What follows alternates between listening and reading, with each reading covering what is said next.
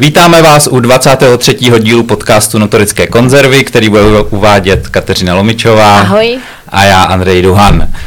Dnešní díl je speciální, budeme se vlastně poprvé bavit o mezinárodním dění, zejména o Ukrajině, pokud vyjde čas i o Izraeli, mezinárodním řádu, o tom, jak by měla vypadat česká zahraniční politika, co je český národní zájem.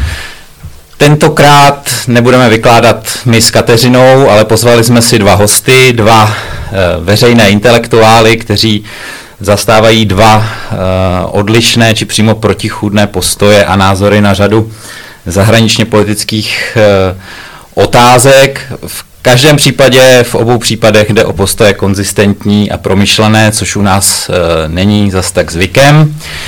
Takže na jedné straně tady máme znalce americké zahraniční politiky, dlouholetého ředitele občanského institutu, který v našich končinách pro mnohé definoval, co je konzervatismus a v současnosti také ředitele Institutu pro výzkum práce a rodiny na Slovensku a tím je Roman Joch. Vítejte u nás. Děkuji za pozvání, hezký den přeji.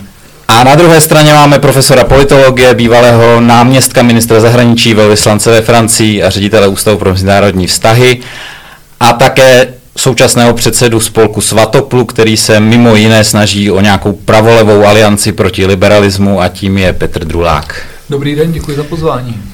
Tak a začneme tedy hned na Ukrajině. První otázka, začneme v minulosti. Jak to začalo, co jsou příčiny války, proč Rusko zautočilo na Ukrajinu? Roman Joch. Ta odpověď je jednoduchá. Současný ruský prezident, v podstatě car, samoděržec, se rozhodl, že bude obnovovat ruské impérium. A domnívá se, že ukrajinský stát, který by nebyl vazalem Ruska, nemá právo na existenci, a může být tolerován, pokud je tam satelitní režim, což evidentně po roce 2014 se mu vymklo z rukou. A já bych řekl, a Nevíme přesně jeho způsob uvažování, ale eh, do určité míry byl klíčový summit NATO v Bukurešti v dubnu 2008, kdy mnozí navrhovali přijmout Ukrajinu a Gruzii do NATO, konkrétně nej, nejvíce tehdejší americká vláda a polská vláda. Pak byly země, které byly silně proti, Německo, Francie, a pak země, které taktně mlčely, nechci zmiňovat které. A to usnesení bylo to, že eh, tyto dvě země nedostanou žádný, eh, žádný cestovní plán s harmonogramem časovým, se dostanou do NATO a slíbilo se jim, že, že samozřejmě v budoucnu budou přijaty, což znamená na svatého Dindy a to není nikdy. Takže po tomto samitu perspektiva členství obou zemí v NATO byla neli mrtvá, tak odložena k hlubokému spánku. Vladimír Putin to pochopil správně, že má volnou ruku, takže v srpnu 2008 se rozhodl porcovat Gruzii. Reakce západu téměř žádná. Pak eh, události na Majdanu 2014 rozhodl se otrhnout část ukrajinského, do té doby i ruské mezinárodně uznávaného území a hranic, to znamená Krym a ty dvě takzvaně odštěpenecké republiky na východě. Sankce ze strany západu velice mírné. No a teď máme rok 22. V Americe je prezidentem člověk, který je uh, tradičně holubicí v americké zahraniční politice, starý člověk, uh, který nemá chuť nějak jít do konfrontace. Ve Francii měl premiér, pardon, prezident Macron před znovu zvolením. V Německu mluví neskušený kancléř Scholz. A v Británii tehdejší premiér Boris Johnson velké problémy. Takže eh, Putin se rozhodl neurvu si další území, ale ovládnu celou zemi. Takže frontální útok. Frontální útok z několika směrů, snaha o dekapitaci ukrajinského režimu a v podstatě vytvoření ze země vazalský stát. Eh, to je to, co se stalo. A teď je otázka, jak jsme měli zareagovat my, ale to už je, myslím, na to druhé kolo. Ano, ano. Dobře, takže za vás je to vlastně dlouhodobá slabost západu a to, že vlastně ta Ukrajina nedostala ten příslip? Eh, já jsem byl proti tomu, aby dostala ten příslip. Nemyslím si, že byla připravena v roce 2008. Eh, teď se všichni tváří, že bude členem EU eh, e a NATO. Já jsem zvědav, kdy. Protože stačí, aby jedna země to zablokovala. A já v podstatě nevidím tu možnost, že by každá země souhlasila. Uvedu příklad Švédsko z hlediska bezpečnosti v Evropě naprosto neproblematická země. Problémy Švédska, Švédska jsou s nezvládnutou imigrací a příliš a, a, a, ambiciozní imigrací z islámského světa, co má vnitřně švédské konsekvence tragické pro Švédsko, a z hlediska mezinárodních vztahů vzorová země. A podívejte, jak dlouho trvalo, než dvě jiné země na to dali ten souhlas. Jaké tanečky dělali kvůli Švédsku. A teď si představte, že by jednou dne byla na pořadu dne otázka členství Ukrajiny. Já si myslím, že těch zemí, které by nakonec řekly ne, hmm. by bylo mnohem více než dvě. Bylo by to jich a západ Evropy. Minimálně. Jasně.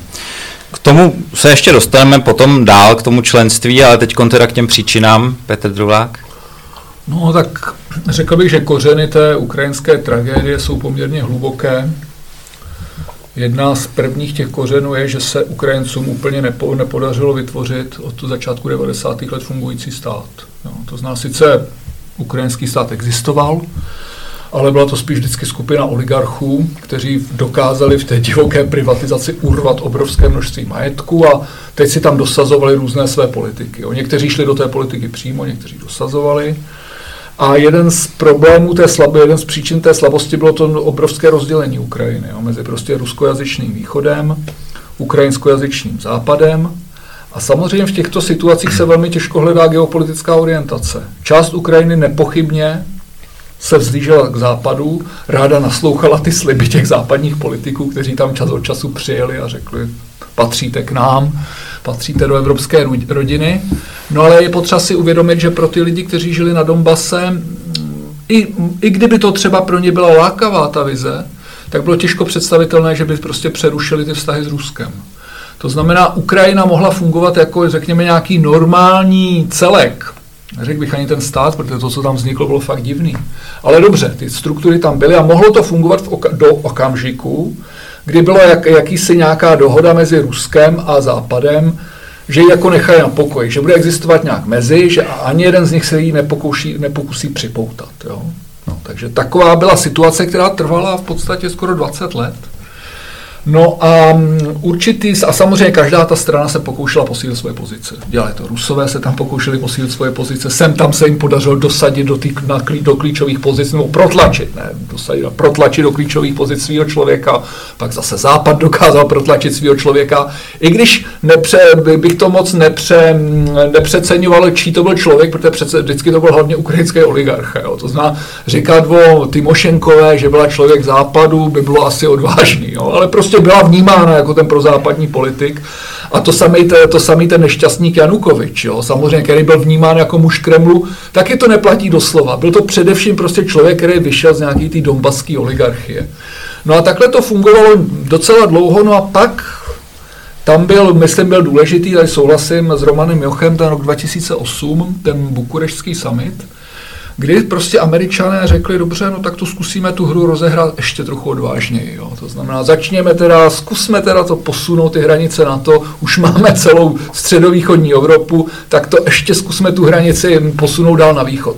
Část Ukrajiny s tím sou, souhlasila, momentálně tam byla zrovna ta prozápadní garnitura v tom Kijevě, tak ty tomu tleskali. No a část té Ukrajiny s tímhle nesouhlasila. Samozřejmě s tím nesouhlasilo Rusko, a Rusko dávalo Američanům od začátku jednoznačně najevo, že tohle je nepřijatelný a že to je prostě pro ně důvod pro válku a že udělají všechno. Američani to dobře věděli, je velmi teď známá citovaná depeše tehdejšího amerického velvyslance v Moskvě, který dnes je shodou okolností šéfem CIA. Ta depeše se jmenuje Nět znamená nět a vysvětluje, že pro Rusko tohle je skutečně, jak se říká, ta červená čára. Prostě Ukrajina v NATO je pro Rusko nepřijatelná, Rusko prostě udělá cokoliv. Jo? No tak ten bukurešský summit přijal takové to neslané, nemasné prohlášení, ty dveře otevřel, ale zase je pravda, že tam nenastavil ty další mechanismy, které jsou s tím spojené, protože Němci a Francouzi nechtěli válku s Ruskem. Jo? No takže takhle se to vyvíjelo, mm, a pak přichází a pak tam přichází nový prezident Janukovič, který spíš má blíž k té Moskvě, takže to nebezpečí je zažehnáno. No a pak přichází na řadu Evropská unie. Evropská unie přichází prostě se smlouvou, která má, kde dává ty Ukrajině vybrat. Říká, vyberte si, s kým chcete mít ty privilegované ekonomické vztahy. Buď je budete mít s náma, s Bruselem, a pak je nemůžete mít s Moskvou. A nebo je to budete mít s Moskvou, který už nějaký máte, ale pak samozřejmě nedostanete od nás to, co byste jinak dostali. No a Janukovič nad tím tak přemýšlel, hrál chytrou horákyni, hrál na obě strany. Hrál na obě strany tenhle chlapík. No a v určitých chvíli si ho Putin pozval do Kremlu a říkal podívej se, musí se rozhodnout. Jo. A když prostě přijmeš tu nábytku západu, tak věř, že za to zaplatíš ze strany Ruska. Jo? To znamená, ta, samozřejmě ta ukrajinská závislost na Rusku byla velmi vysoká. Hmm. Pořád do určité míry přetrvává jo? v těch válečných podmínkách. A tak Janukovič nakonec pod tlakem, byl to tlak Ruska i tlak Bruselu, tak řekl dobře, tak já nakonec, já nakonec dám přednost tomu Rusku, nepodepíšu tu smlouvu, která už byla připravená. A v té chvíli prostě začíná Majdan, do určité míry spontánní hnutí těch západně orientovaných kruhů kyjevské společnosti, do velké míry také prostě něco, co bylo organizováno a financováno ze strany Spojených států amerických, prostě něco, co mělo vytvořit tlak na režim, který se Američanům nelíbil, a pak dochází k té eskalaci, k tomu můžeme někde ještě dojít, co všechno bylo v té eskalaci. Za tou eskalací do určité míry stáli američani. Jo? To znamená, z, to, to, to násilí na demonstratech, na demonstratech zpočátku bylo Janukovičovo, ale ty nejhorší věci, ty přichází z druhé strany. Ty přichází z druhé strany. To je vlastně na tom docela smutné, že ti, co stříleli, nebyli Janukovičovi lidé, ty byli oběťmi té střelby a přichází ze, se strany podporované ze západu. Jo? To znamená různí gruzinští mafiáni a další vývozci demokracie. No, Ukrajina v té chvíli prostě ten západ vyhrává, západ vyhrává, Janukovič odchází, přichází tam západní garnitura, Rusové říkají, že ten režim neuznávají, začínají ty vojenské operace, obsazení Krymu, válka na Donbase, no a zase nějakou dobu se to tohle táhne, no a pak přichází tedy ten rok 2022, Nevím, co bylo tím spouštěcím mechanismem. Co přesně se stalo v tom lednu únoru, že to přes, pře, přesvědčilo prezidenta Putina, že je vhodný okamžik spustit válku. Zaskočilo to spoustu lidí, zaskočilo to pozorovatele na západě, myslím i řadu lidí v Rusku, ale prostě spustil to. No od té doby ta válka je, takže to, pokud se ptáte po příčinách o tom historickém pozadí, jak je to takhle, ještě bych možná přece jenom k té Gruzii. Jo, protože ten rok 2008 byl pohnutý, jako to, to, to na to otevírá, po, po, pootevírá, pootevírá své dveře Ukrajině a Gruzii. No a ten Saakašvili, který tam tehdy vládne, to je samozřejmě další prostě člověk, další proteže Američanů, že jo, který vládne v té době v Gruzii. No a tak cítí, že má vítr v, plakta, v, plachtách, no a tak zkusí udělat věci, které by si jinak netrouf. A jedna z těch věcí je, že Gruzie má na svém území několik prostě republik, které ke Gruzii nechtějí. Jo? Když se rozpadal Sovětský svaz, tak ne všichni chtěli být součástí těch nových republik. Jo? Takové jako Adžárie, Abcházie, Jižní Osetie. Z Adžárii se mu to povedlo, tu dostal pod kontrolu, Abcházie ne. No a Jižní Osetie, tam to bylo takový jako nakloněný. No tak on si říká, no tak teď, když to na to ukazuje, že za mnou stojí, tak to vyřeším silově. Jo? Posílá tam vojáky do té Jižní Osetie, mm, nějak nebere ohled na to, že jsou tam ruš, ruští mír, mír, mír, mírotvorci, zautočí na ně. No a Rusko zareaguje tím, že podnikne trestnou výpravu. Prostě vstupuje do té Jižní Osetie, vstupuje do Gruzie a dává najevo, že je schopno prostě jít až do Tbilisi. To nakonec neudělá. Jo? To nakonec neudělá, takže tu Jižní Osetii si vlastně nechává hmm. pod kontrolou, řekl bych s podporou obyvatelstva. To obyvatelstvo nestálo u Gruzínce. Podobně jako obyvatelstvo na Krymu nestojí o to být pod Kijevem. Jo. Tak zrovna tak jižní osetinci nestojí být pod, eh, pod Tbilisi. No a takhle vzniká ta situace. Jo. Takže nebylo to úplně tak, že by Rusové prostě udělali ten mocenský, jako mocenskou expanzi. Byla to nerozvážnost Sakašviliho, No a dneska myslím Sakašvili někde v gruzínském vězení, ne? když se prostě vyšetřují všechny ty, celá ta jeho korupce a ten klan, který tam zaved a ta vláda. No tak taková je trochu bilance některých těch západních loutek tady v tom prostoru. Jo. Takže to ale teda, podle toho, co říkáte, není jenom o tom NATO, že by se Rusové báli NATO, protože to nebylo tak tak na stole. To bylo trochu spíš, no. spíš tam šlo i o tu Evropskou unii. Teda, tak že... spouštěč Majdanu byla Evropská unie. Tam na to v té době nedělalo žádný akce. Jo. To, bylo, to byla Evropská unie. Protože o tom se, to je ten argument s tím na to, že prostě Rusové e, nepřipustí nikdy vstup Ukrajiny do NATO. Ale ono v roce 2014 tam jako ne, nedocházelo k ničemu, co by právě, Ukrajinu vtahovalo. Právě, že to byl ten argument, že proto oni zautočili, že to není úplně teda vlastně tak případný, na to jsem se vlastně chtěl zeptat, jestli to tady vlastně svržení už... režimu, to je podstatný. Oni, tam došlo ke svržení režimu a to svržení režimu bylo do určitý míry, do určitý míry připravovaný s Američanama. Viktoria Nuland, slavný že, rozhovor, kde byly, byly ty líky, takže a prostě Ameri- a Rusové říkali, no tak nám se to tady najednou rozpadá, my jsme měli v Kyjevě svý lidi hmm. a teď si tam dosazují Američani svý lidi, to my nechceme, jo. takže to byl ten spouštěč 2.14. 2.22, tam je to složitější. Něco? Já bych dodal, že ten separatismus v Abcházii, Jižní Osetii byl vydatně živen Rusy. Nebyl to jenom, nebyla to lokální záležitost, byla vydatně živena Rusy. Když se rozpadl Sovětský svaz, no, jestli ti lidé většinově chtěli zůstat v Gruzii nebo připojit se k Ruské federaci, se už nedozvíme, ale eh, když se rozpadlo Československo, nikdo se neptal maďarské menšiny v Jižním Slovensku, jestli chce být eh, v slovenské... Jako československý stát zanikl. Jestli chce být součástí státu, který již dlouho neexistovala, když existovala poprvé, bylo to spíše tristní, anebo chce se stát součástí Maďarska. To nikoho nenapadlo, že toto je extrémně provokativní z hlediska mezinárodních vztahů. Irredentismus je nejhorší forma nacionalismu, protože nutně vede k válkám. Je. Představte si, že by někdo v roce 92-3 se ozval s tím, že, Maďars, že má být referendum na Jižním Slovensku, jestli Maďaři slovenští občané chtějí Maďarsku. No to je, to je vypuštění, to by bylo vypuštění džina z láve, každý to tak vnímal a všechny maďarské vlády, včetně té dnešní, na toto nikdy to nenaznačí ani, ani náznakem, protože mají rozum.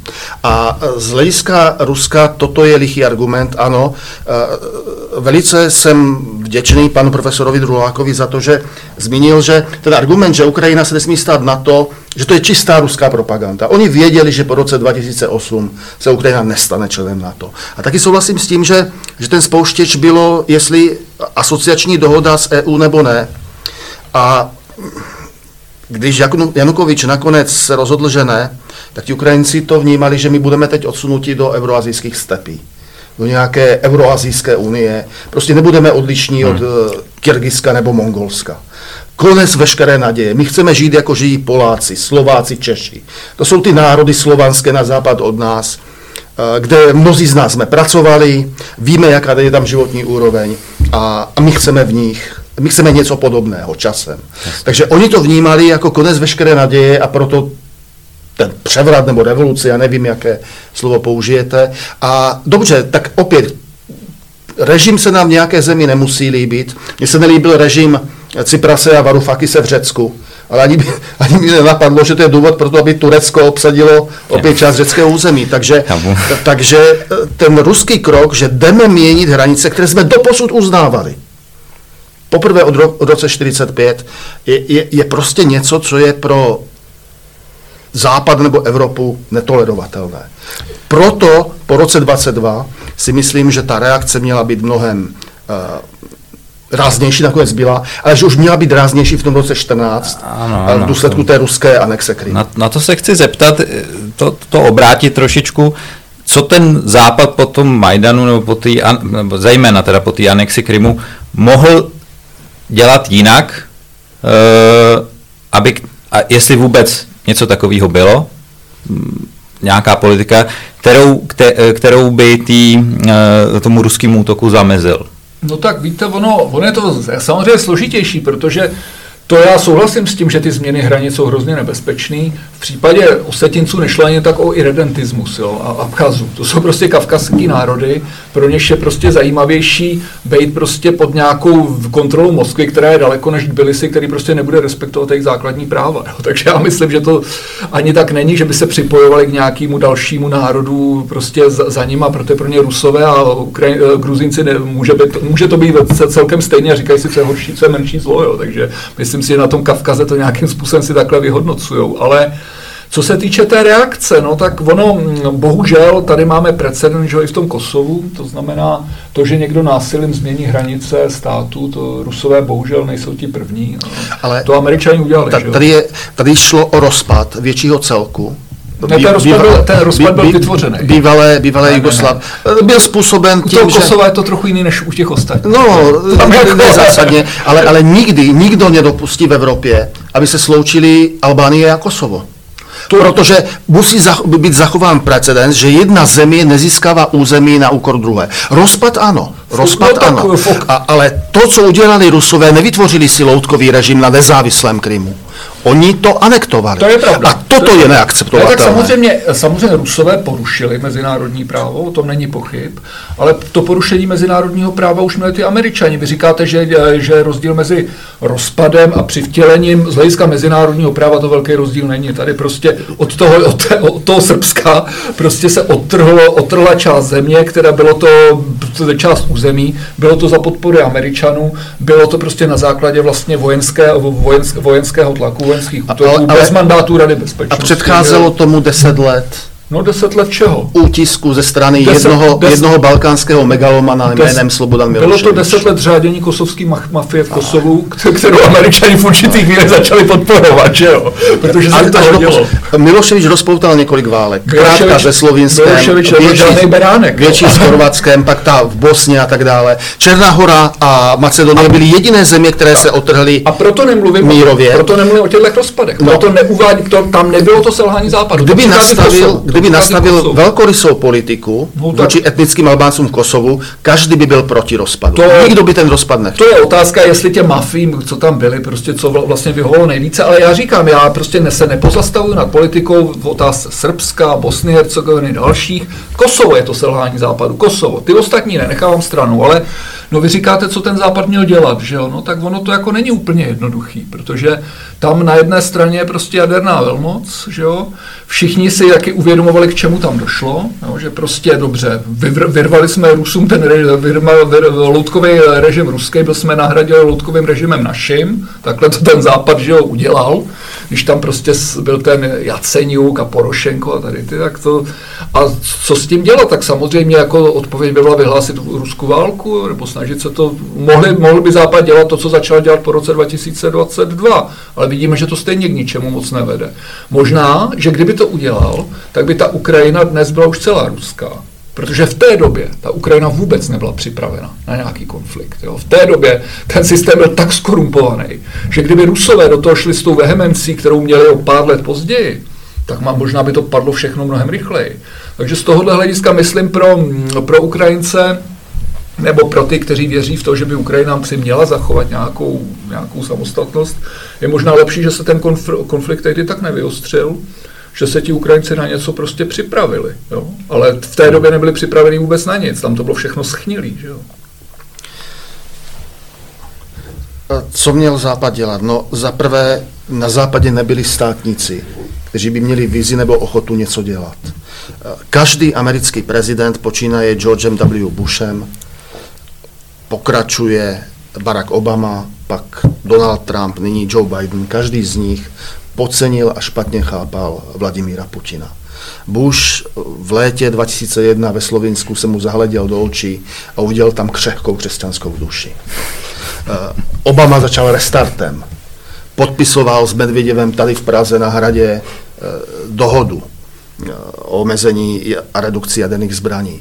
Eh, Donald Trump víme, eh, Joe Biden se s ním setkává léto 21, není prezidentem ani 6 měsíců, se s ním setkává v Ženevě. Bizarní situace.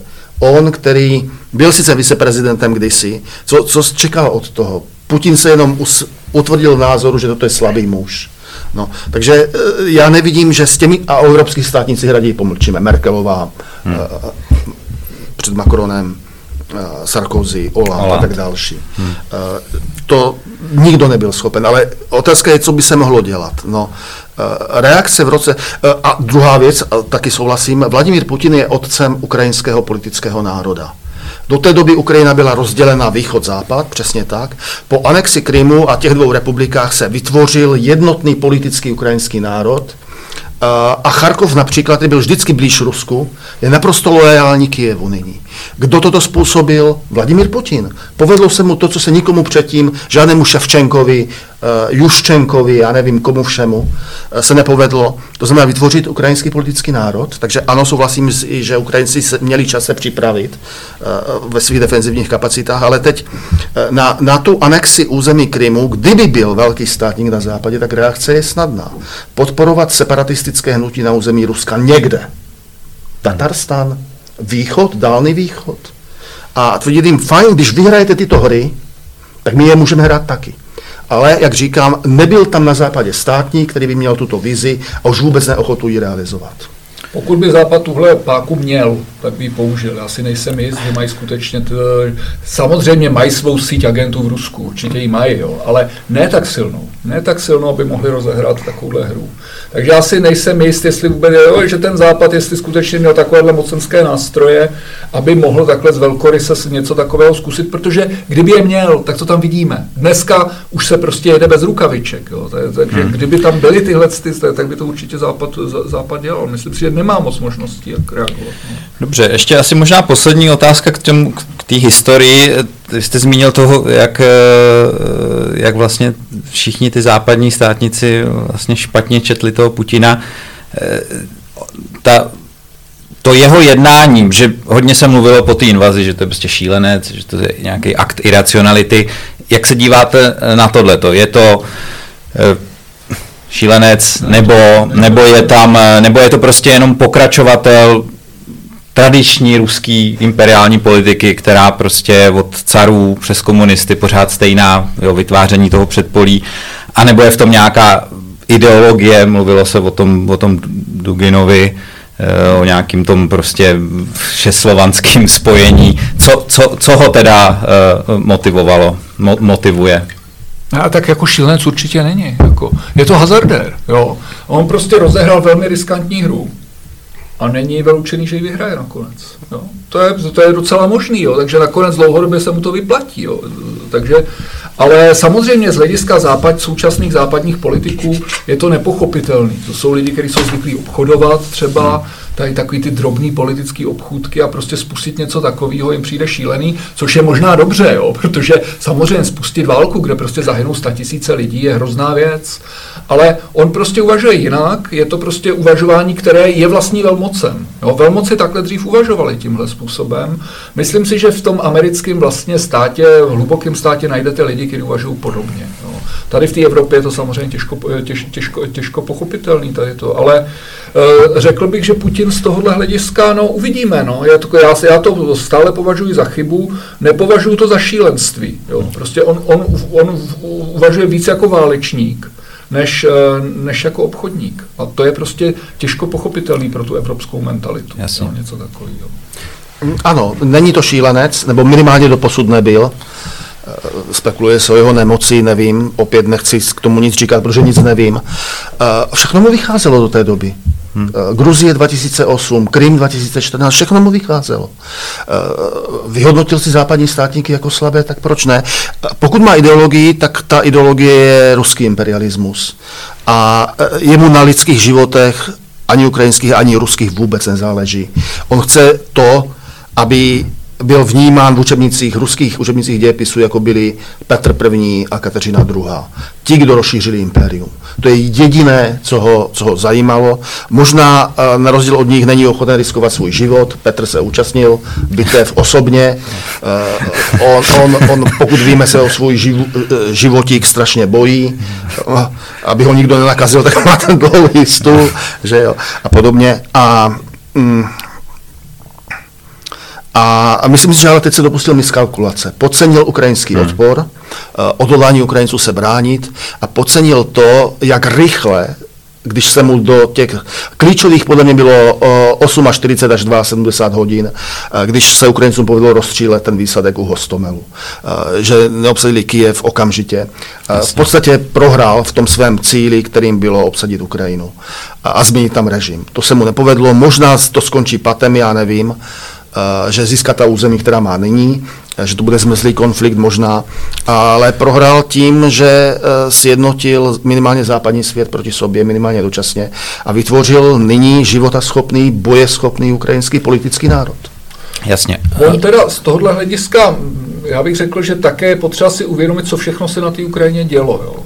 A něco z toho je vidět, něco z toho není vidět. Jo. Ale je pravda, že prostě američani na té Ukrajině skutečně rozjížděli spoustu operací. Jo. To znamená tam, jako jak, jak třeba vyšlo najevo, že tam financovali nějaký Uh, nějaký um, výzkum, který se týkal biologických a snad i chemických zbraní. Obranu samozřejmě proti ním, ne, že by je vytvářeli. Jo, takže tam, bylo, tam byla řada projektů, které se prostě, které se tam uskutečňovaly. Ukrajinci taky dávali najevo, že prostě chystají nějaké operace proti Krymu. Jo, to, to prostě to jsou veřejně dostupné, dostupné No jasně, protože to je jejich území z mezinárodního práva. Samozřejmě, na to mají právo. Jo? Ale teď je jenom otázka, co všechno teda toho Putina vedlo k tomu hmm. rozhodnutí, které prostě z dálky nám připadalo velmi, velmi těžko pochopitelné. A ta hlavní miskalkulace podle mě spočívala v tom, že on čekal, že se ten režim zhroutí, jo? Že, prostě se, že to spadne a on tam zase dosadí nějakou svoji figuru. Jo? Hmm. Tak, jak se na Ukrajině ty velmoci zvykly. Jo? Buď, je tam, buď to tam někoho dosadili američani nebo Moskva a on prostě doufal, že se to zhroutí a že on tam dosadí někoho svého a to se nestalo.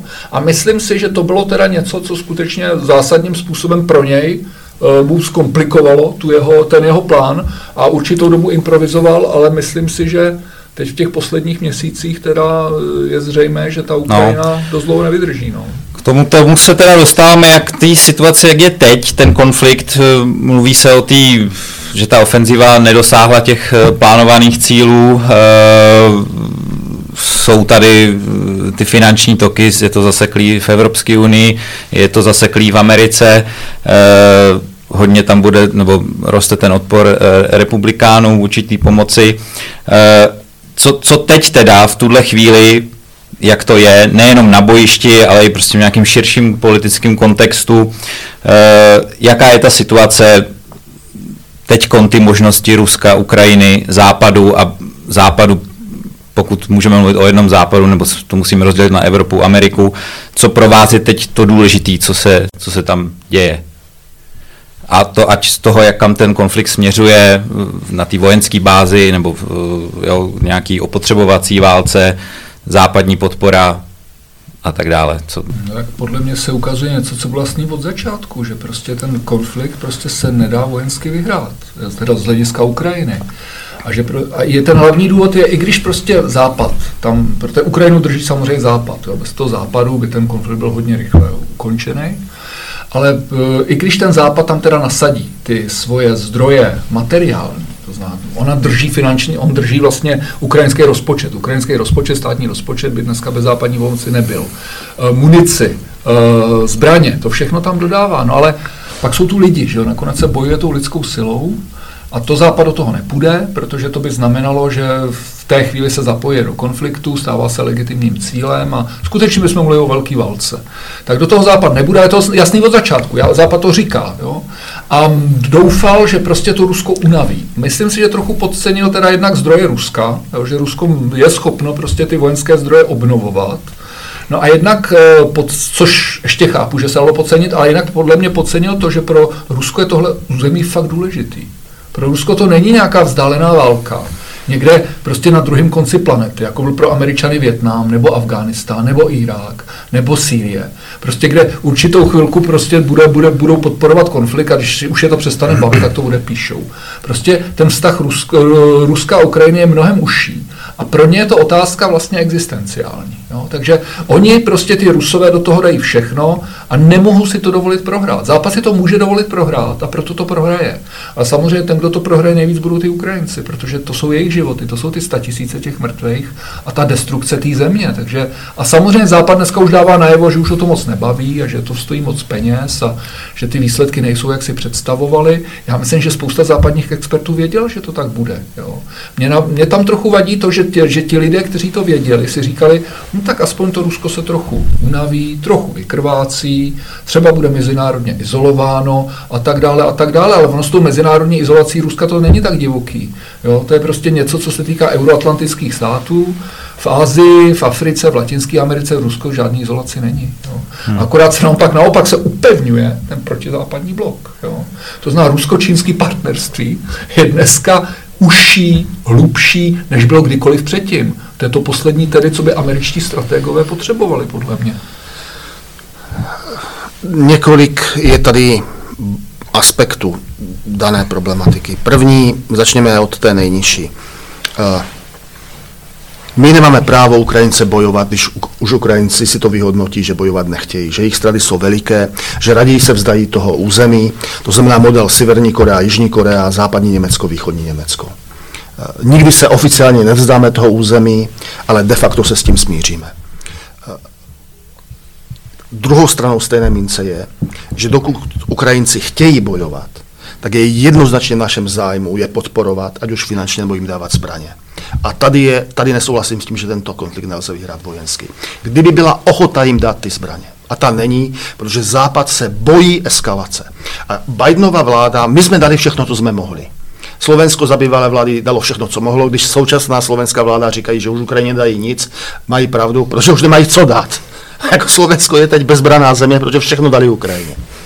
Poláci dávali, co mohli, Skandinávci dávali, co mohli, Nizozemci. Sever a východ Evropy dával, co mohl. Teď už jenom američané mají možnosti. No a Bidenova vláda říkala, nesmíme vám dát tento zbraňový systém, protože to by bylo příliš provokativní. Ale časem, jak se ta situace měnila, tak jim to dala. Takže dává jim příliš málo, příliš pozdě, protože se bojí eskalace a přitom to mělo být přesně opačně. Ukrajinci měli dostat to, co potřebují, aby minimálně obnovili svou svrchovanost uh, z 21. února 22. To znamená, nemluvíme o Krymu, mluvíme o tom, co Rusové získali od, od února 22. A například, podívejme se na realitu, například uh, stále nedostali uh, letectvo které se jim slíbilo, že někdy za rok, rok a půl možná. No, bez letecké převahy ve vzduchu nad ukrajinským územím nema, nemají šanci to dobit, s tím souhlasím. Takže já si myslím, že uh, kdyby byla ochota Západu Ukrajincům dát ty zbraně, které potřebují, tak ten konflikt mohl skončit pro ně, uh, dejme tomu remízou k tomu statu quo. Z tomu statu quo. A, a řekneme jim fajn, ale na Krym zapomeňte. To, to zase, eh, v tomto musíte chápat nás. Takže já si myslím, že postoj Západu je cynický vůči Ukrajincům. Bojujeme do posledního ukrajinského vojáka a nedáme mu ty zbraně, které on chce. A to je chyba. Chyba Američanů. A, a, a když se toto nezmění, což vypadá, že ne, tak to skončí tím patem, v kterém jsme. To znamená zmezlý konflikt. Nemyslím si, že Rusové uh, budou nějak postupovat dál, protože tady bude koalice ochotných v Evropě na čele s Polskem a Polsko s tím zbrojním programem dnešním uh, se stává evropskou mocností, evropskou mocností, pozemní konvenční mocností. Uh, už nyní je silnější než Bundeswehr, polská armáda. Uh, cynicky řečeno, kdyby Poláci chtějí, tak jsou v Berlíně za půl dne a udělali Berlínu to, co Němci udělali v Varšavě v roce 1944. Cynicky, jako vtip, drsný vtip, ale je to pravda. A za chvíli budou mít nejsilnější konvenční armádu v Evropě.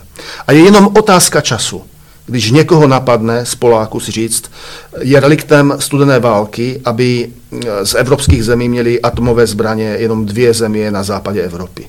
To je nerovnováha. Jsou tady i jiné země, které to mají technologie, mají know-how, mají ochotu to udělat. Takže uh, myslím si, že Rusové už více ne, ne, uh, nezískají, protože minimálně ze strany těchto ochotných zemí uh, vedených Polskem bude ochota podporovat Ukrajince.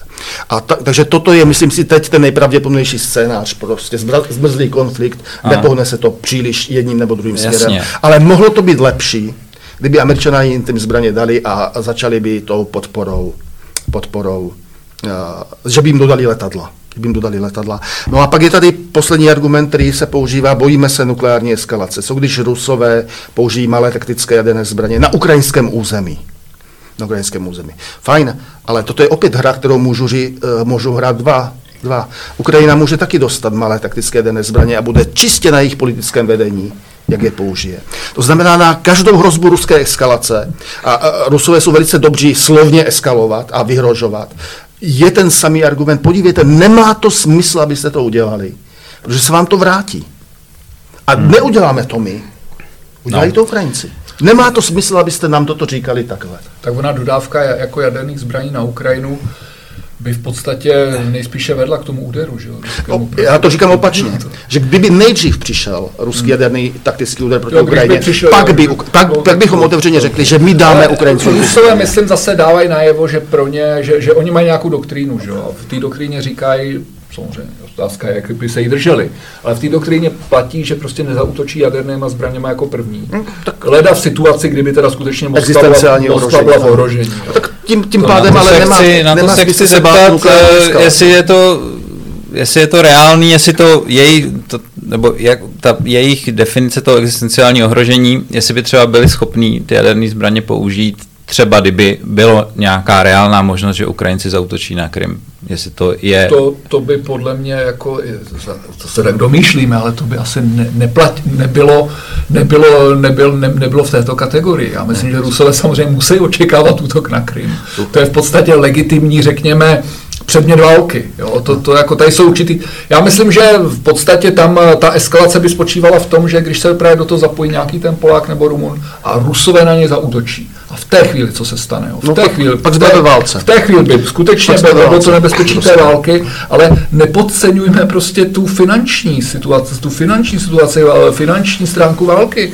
To znamená, ano, Poláci budou mít zájem, to dál podporovat, ale prostě Poláci na to nemají peníze. Nikdo na to nebude mít peníze to živit, takže proto, ta, proto od té Ukrajiny nakonec dají všichni ruce pryč.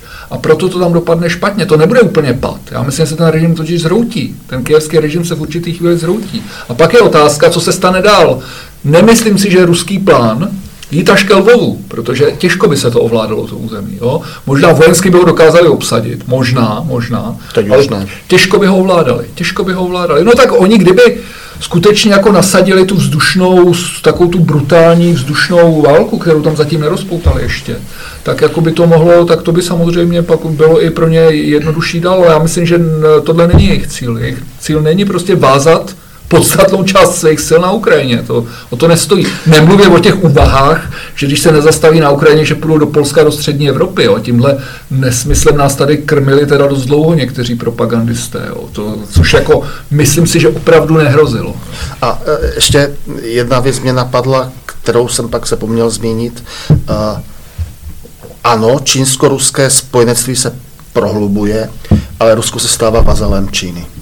To znamená, Putin za pokus vytvořit velké ruské impérium zaplatil tím, že ze své země dělá vazala mnohem bohatší a co se týká mocenské projekce, časem i uh, pravděpodobně silnější nové mocnosti na vzestupu. Ekonomicky určitě jsou Ekonomicky to slabší. už je kolonii. A je samozřejmě otázka, co teď znamená ta ruská vojenská síla, která se nedá vlastně, která se nedá podceňovat, protože i když ta ruská ekonomika není ekonomika srovnatelná s čínskou, tak ku podivu je to ekonomika, která docela dost dokáže vydržet a která dokáže živit hlavně. Dokáže živit tu vojenskou sílu. To je podstatný. A Číňani tohle vnímají.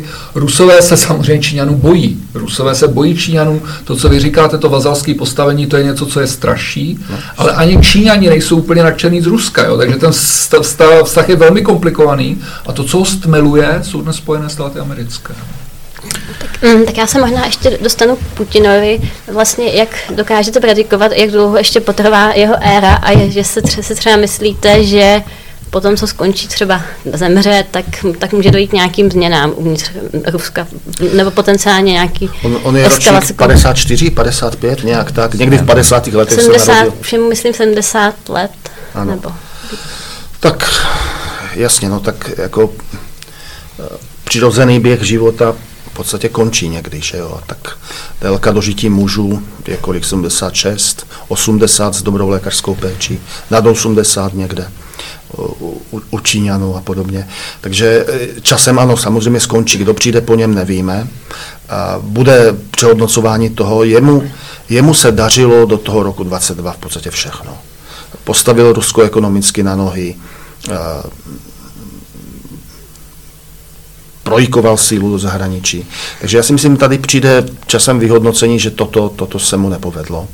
A takže já vám nedokážu říct, jestli ten nový e, ruský cár bude mírnější nebo ještě více jestřábí. To nevím, nedokážu to odhadnout, ale e, realisticky ano, tak Putin může mít ještě deset let života u moci. Je taky otázka, který režim se sroutí dřív, ruský nebo ukrajinský. Obojí je možné. Jako, jestli se někomu povede, když si myslí, že by byl schopnější než Putin ho nahradit, to, to nevíme prostě toto, jestli, jak, jaká je jeho bezpečnost, jak jsou mu věrní, ti jeho věrní. No a Tohle se Takže nevím. To se já k tomu zase nemám tolik co dodat, jo. taky bych říkal, tak deset let bych čekal, pokud to záleží, že pak na náhodách, že jo, co se stane s tím tělem, ale uh, nemyslím si, ta, co já myslím, že je podstatný, ale že on vlastně není nějak izolovaný v té společnosti, to není tak, jako že on by byl pološílený diktátor, který se všichni bojí, ty lidi by ho nenáviděli, on má legitimitu, jo, má určitou legitimitu ten režim v Rusku. A z tohohle hlediska mm, si dokážu představit, že ten, kdo po něm bude přicházet, bude přicházet s tím, že bude v tom pokračovat, že chce pokračovat v té linii. Samozřejmě okolnosti se mění, člověk může pak dělat něco úplně jiného, ale jak bude vypadat svět za deset let? Tady je samozřejmě otázka, jak bude vypadat ruský a ukrajinský režim za deset let, ale jak bude vypadat Evropská unie za deset let? Bude vůbec nějaká Evropská unie? Jo? Takže to já myslím, že skutečně teď jsme v takových turbulentních dobách, že každý rok může přinést eh, věci, které nikdo z nás hmm. nečekal.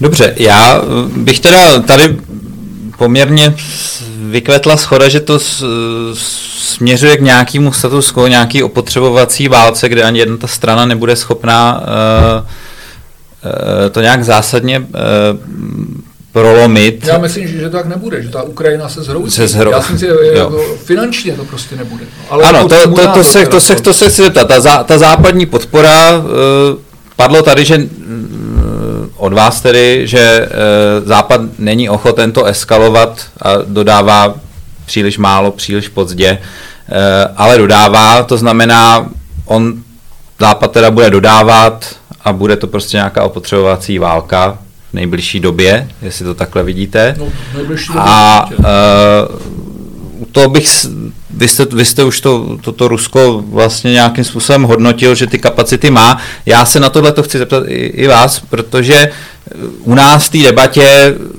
je poměrně silná skupina lidí, který z Ruska dělá právě tu, tu mocnost, tu hrozbu, která může reálně ohrozit i nás. E, velmoc, která prostě ovlivňuje e, přes dezinformace a operace prostě celou, celý západ a, a vlastně ti samí lidi často eh, hodnotí to Rusko s velkým despektem a schazují ho jako prostě nějaký mongoli, který nejsou schopní dobít jednu vesnici nebo ji dobíjejí půl roku. A eh, vlastně v jeden moment je tady to přeceňování toho Ruska nebo nadceňování a zároveň uh, velký despekt, jak, jak teda vy hodnotíte ty reální možnosti Ruska vést tu opotřebovací válku, která dejme tomu, hraje víc do jeho karet, protože prostě ta Ukrajina je závislá na té na západní podpoře, která je, dejme tomu, ne tak jistá. Hmm. No. Eh, vliv Ruska v této společnosti eh, není ten největší. Jsou společnosti na jihu Evropy, kde a Rakousko, kde je mnohem větší ale uh, pro nás je důležité toto. Já bych rád zmínil tezi Tomáše Pojara, kterou opakoval mnohokrát předtím, než se stal bezpečnostním poradcem premiéra. A ta teze je, že čím více je hranic mezi námi a Ruskem, tím lépe. A toto si myslím je velice realistický postoj. To znamená, naším zásadním zájmem je nenechat padnout Ukrajinu na Moskvě nezávislý ukrajinský stát je jednoznačně v našem zájmu, a to našem, myslím, jak českém, tak evropském. A druhá, druhý dodatek této tezi je, největší evropští státníci 19. století, to znamená v situaci, kdy nebyly ty ideologické války 20. století, jako nacismus, komunismus a tak, ale byla to reál politika. Taky největší evropští státníci zahraniční politici, politiky, jako, jako Talleyrand, Metternich, Disraeli a Bismarck, z hodou okolností všechno konzervativci, eh, se v jedné věci shodovali. A to to, že není správné dopustit, aby Rusko zasahovalo do vnitroevropské politiky. A já si myslím, že co platilo tehdy, platí i dnes. V našem zájmu eh, je úplně jedno, jestli Rusko si udělá ve střední Asii satelitní státy z těch bývalých stánů Sovětského svazu. Myslím si, že už na to nemá sílu, protože na to má zárusk Čína. Vidíme to na, hmm. na to, jak si kazašský prezident dovolil říci Putinovi několikrát ne. Proč? Má vyvnějšího patrona v Pekingu. Ale nám jako Evropanům by to vůbec nevadilo, kdyby se tam něco Rusko dělo. Ale to, aby Rusko ovlivňovalo evropskou vnitřní politiku, štvalo jeden národ proti druhému a snažilo se uh, znovu vytvořit svoje impérium v Evropě, toto je jednoznačně proti našemu zájmu. Takže eh, prostředkem k tomu je samozřejmě zachování v nějakých relevantních hranicích nezávislého ukrajinského na, a, politického národa a státu a na tomto bychom měli prostě pracovat. To já s tím souhlasím, že vždycky bylo v našem zájmu na tom, aby existovala Ukrajina jako nárazníkový stát mezi náma a Ruskem. A proto jsme měli mít trochu rozumnější politiku. Jo. Prostě nepoko, ne, neprovokovat Rusko tím, že řekneme, že to celý obsadíme. Hmm. To byla ta zásadní chyba, ale já jinak samozřejmě souhlasím s tím, že by bylo dobře mít ten, ale nejsem ten stát, ukrajinský stát, ale nejsem si jist do jaký míry, je tohle to reálná možnost. To znamená, nějaká zbytková Ukrajina zůstane určitě, ale no. už to nebude to, co jsme mohli mít? No naopak, teď si myslím, že ta ukrajinská politická identita je mnohem silnější než předtím. No, a, a Putin, způsobil, Putin způsobil nenávist mezi jak se říká, frázi dvěma bratskými slovanskými národy způsobil tu nenávist, která bude delší, než byla mezi Němci a Francouzi. Tak ono ta nenávist... Mezi Němci a Francouzi trvala kolik? Od roku 1870 do roku 1960? No, v roce 45 vrcholilo no, a jasně. 15 let potom, no 20 let no. potom bylo po nenávisti. Ale několik válek mezi tím proběhlo, no, rusko-francouzský. A nyní, nyní to bude na min, minimálně generaci, abych typnul dvě. To nevím, ale není to srovnatelný, že? protože to, není rovno, to nejsou rovnocený rovnocenní soupeři Rusové Ukrajinci. To není, to ale není nenávist, myslím tím Ta nenávist je, jo, ale to, to, jako, to, jako... to se uvidí, co se stane ještě, ale podstatný je, že tam prostě už nejsou ty podmínky pro tak silný stát, který tam mohl být. Jo. Kdyby jsme prostě, ne, kdyby Západ nerozehrál tuhle podivnou geopolitickou hru, kterou nemohl úplně vyhrát. No. Ale jak jsme ji rozhráli my? Tím, že jsme akceptovali postmajdajský režim, který se uchytil na Ukrajině? No uchytil ten, my jsme ho tam dosadili. A, a totálně jsme, totálně jsme, jsme ignorovali, že Rusové anektovali Krym. My jsme, naopak, my jsme naopak eh, jako Putinovi šli téměř na ruku. To on, to on si vzal příliš velké sousto v únoru 22. Já považuji za, on udělal tu za zásadní, zásadní chybu. chybu mluvit o tom, že Ukrajina měla být v NATO. Zásadní chybu. Ale nikdo v tom do Evropské unie. Po roce 2000, ano, vize asociační dohody. A myslíte si, že francouzští, uh, holandští daňoví poplatníci by byli za plné členství Ukrajiny no, v EU? No, Samozřejmě, no, že ne. By nebyli, to nejlepší, by co by Ukrajina mohla získat, je nějaká asociační dohoda. A, ale bylo by to už něco... A, a na to bylo úplně mrtvé Ta asociační Ukrajiny. dohoda bylo něco, co prostě ohrožovalo ruský zájmy, protože to znamenalo celní unii. A celní unie prostě není, nebyla slučitelná zase s tím, s, s ruskými zájmy na Ukrajině. To znamená to, no, tak se rozhodl pro válku. že máme velmoc, která má nějaký zájmy a prostě do určité míry je respektujeme. Ale ne všechny zájmy jsou legitimní. Ne všechny zájmy jsou legitimní a některé jsou. Některé některé jsou, ale například to, že Ukrajinci chtějí mít asociační dohodu s EU kvůli vyšší životní úrovni, to je něco, co mělo Rusko tam je problém, když řeknete Ukrajinci, jo, zase, protože ty Ukrajinci byli fakt rozdělený. Jo. Pro některé ty Ukrajince tohle byla jednoznačná volba.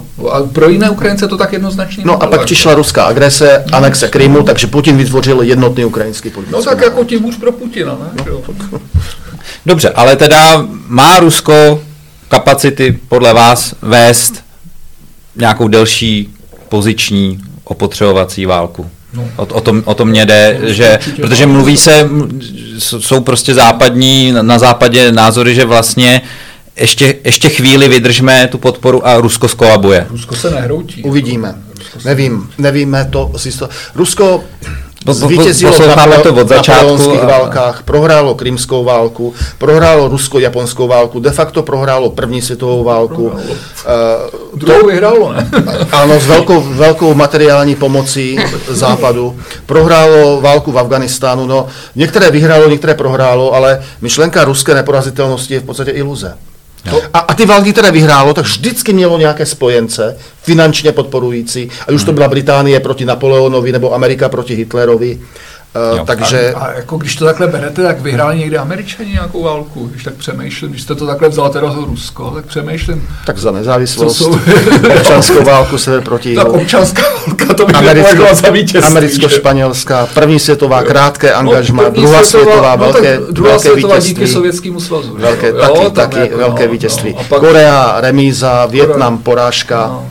Uh, Afganistán, podpora Afgánců vítězství. Celá stu... Vítězství v Afganistánu, to myslíte vážně? Taliban, že zvítězil. To, to ne, ne, ne, ten režim, který tam byl hned po sovětské porážce nebyl, nebyl, nebyl Taliban, ten přišel až pak. No, a, a celkově studená válka, jako politicko-ideologické soupeření Amerika vítěz, sovětský to je svaz, válka. A to sovětský je, no, svaz protože sovětský svaz, to, sovětský svaz se v určitých chvíli z nějakých důvodů vzdal, že jo? No, no prohrál, no. byl za, zatlačen do kouta. No, ono to bylo trochu jinak, že jo? A, prostě tam byla určitá představa, se. jak, a tam byla určitá představa vytvořit nový uspořádání mezinárodních vztahů, to byla idealistická představa a ta se Rusům nevyplatí. Takže ano, američané celkově eh, měli porážky, ale celkově jako... Já bych řekl, že nejsou úspěšnější než Rusové teda, jo, když uděláte tu bilanci. Já bych řekl, to, co si jim nepovedlo, je toto století. No, to Od roku 2000 se jim nepovedlo. No, tak... Do té doby nějaká větší chyba.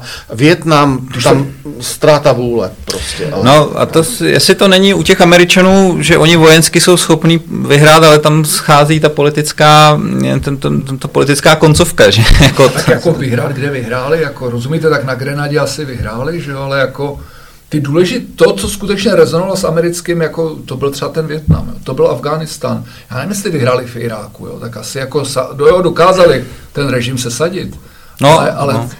jako zbytek? Jako? No, to, o tom mluvím, že oni vlastně, jo, ale to je možná jiná debata. Eh, když se vrátíme k té Ukrajině, jak teda za vás jsou ty mm, realistický scénář nějakého konce, respektive jak by to podle vás mělo dopadnout z hlediska našich, našich zájmů, dejme tomu? No, naším zájmem je samozřejmě, aby se udržela co největší část Ukrajiny jako suverénní stát. Jo. Samozřejmě třeba se suverenitou nějak omezenou, jako mělo Finsko během studené války. Ale není v našem zájmu, aby to bylo celý třeba Ruska. Já si myslím, že to ani nehrozí. A to je, to, to, to, je, to je zájem, ale jak to dopadne v téhle chvíli, já si netroufám vůbec říct, jo, protože já nevím, v jakém stavu ta Ukrajina bude. Tady Romanioch mluví o renesanci nebo o zno, znaro, narození polský, e, ukrajinského národa. Jo, to je fajn, jo, to je pravda. Ale teď je otázka, do jaké míry tam teda bude mít k dispozici zdroje, bude schopen ty zdroje mobilizovat a skutečně vytvoří života schopný stát. Stát, kde se prostě všechno okamžitě nerozkrade. No, to, je, to je jedna z věcí, hmm. tam jsou další věci. A pokud se tohle to podaří, pokud teda vznikne na Ukrajině, na té menší Ukrajině, jo, něco takového, tak to vlastně nebude úplně nejhorší výsledek. Tak to bude výsledek, který, ano, možná si řeknete, nakonec to všechno, celé to, ta tragédie k něčemu byla. Jo. Co by se mělo stát? A dodat Ukrajině zbraně, aby, aby získalo to území, o které přišlo po této poslední ruské agresi, to znamená ne Krym ne Krym, aby, aby bylo jasné, že se to Rusku vůbec nevyplatilo, aby nezískali metr čtvereční nového území. Toto by bylo optimální. Eh, nemyslím si, že se to stane. Pravděpodobnější scénář je zmrzlý konflikt. To znamená mm-hmm. jakési formální příměří, severokorejsko jihokorejský model, formálně válečný stav, ale příměří. Jo. A tak to zůstane. Takže ukrajinský režim na té velké části ukrajinského území se udrží. A souhlasím s tím, že bude pak záležet na Ukrajincích, jestli si tu zemi rozkradou nebo vybudují nějakou smysluplnou společnost. A, a já bych... Eh, nemyslím si ale, že vzdor těm optimistickým řečím eh, evropských a amerických politiků, že Ukrajina se stane členem NATO nebo EU, ani jednoho si nemyslím, že se stane členem. Ne. Eh, to nejlepší je ta asociační dohoda. A nějaká forma volného obchodu, možnost hmm. pracovat, pracovat v EU pro ukrajinské občany. Toto hmm. asi ano za vás to členství EU na to? To je nesmysl. nesmysl. To, to, to není možné. Jako v, v EU to ani není možné. A teď si vemte, co dělá Bruselská komise. Bruselská komise říká, že začnou přístupová jednání. Samozřejmě musí to ještě schválit. Ale při, to, že zahájíte přístupová jednání, zase tak moc neznamená. Ale hlavně ta Ukrajina na to fakt není připravená. Nebyla na to připravená před válkou a teď během války fakt řeší jiné věci, než je příprava na členství. Jo. Takže to je nesmysl. No a samozřejmě na to, to, je, to znamená, to je jako, to se blížíme zase té válce s Ruskem, no, tak to, to nikdo nestojí. Takže nestane se, ale za vás dva, měla by se stát? EU a NATO? Ano. Ani náhodou. Ani náhodou. Ohledně EU nevidím ty hlasy pro v EU. Jasně, jako, ale spíš... Pokud, jako... by, pokud by zažila období 15 let míru a prosperity, tak asi ano. Asi by se měla stát. Uh, na to, uh, teď už je to si myslím jedno, uh, a protože ji podporujeme vojensky. Nebudeme za ní bojovat, ale, ale ji vojensky podporujeme, to si myslím, že by mělo pokračovat. Zaj, zajímavá byla myšlenka Henryho Kissingera, který nebyl nějakým nadšeným stoupencem toho prvního rozšiřování to.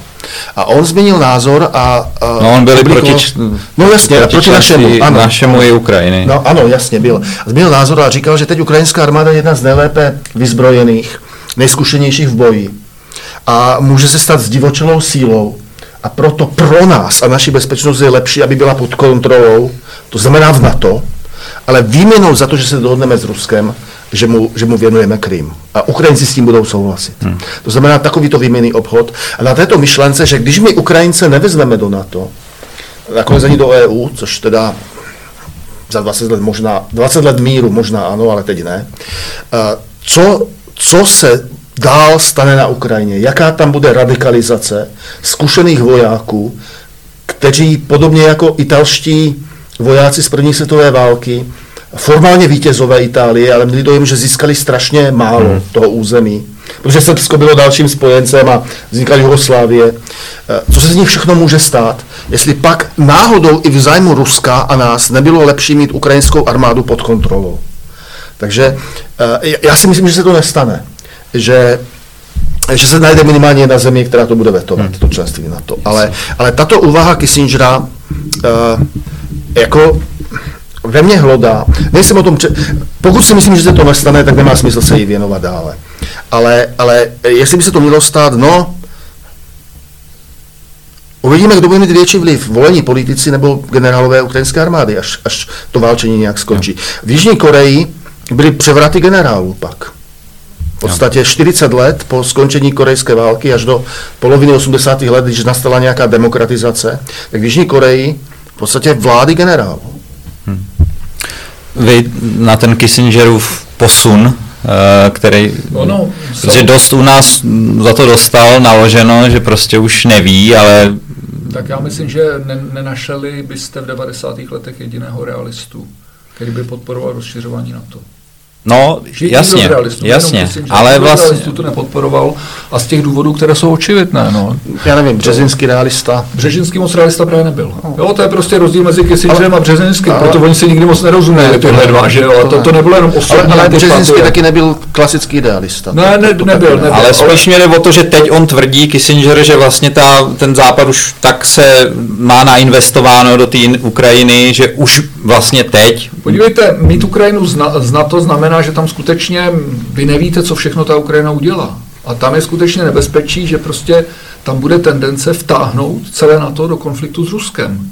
To je to, co dělá Ukrajina doteď, kdy vlastně se pokouší neustále vtahovat NATO hmm. do, do konfliktu s Ruskem, tak v okamžiku, kdy bude členem NATO, tam vznikne nějaká situace na rusko-ukrajinských hmm. hranicích, dokážete si představit, jak vznikne, hmm. a najednou na to bude říkat, no tak náš spojenec teď se tady do, do, ocitl v ohrožení. A v okamžiku, kdy na to nezera, nezareaguje, tak jako ztrácí kredibilitu. Jo? To není jen tak. No, Takže jasně. prostě nechat naší kredibilitu v rukách prostě ukrajinských hazardérů, tak to bych do toho bych nešel. Jo? Hmm. Proto si myslím, že to je riskantní, jakkoliv chápu ten argument, že to, co vznikne na té Ukrajině, bude, může být docela nebezpečný. Jo. Může tam vzniknout skutečně fašistický režim, proto je ta analogie, o které se tady mluvilo s tou Itálií, že?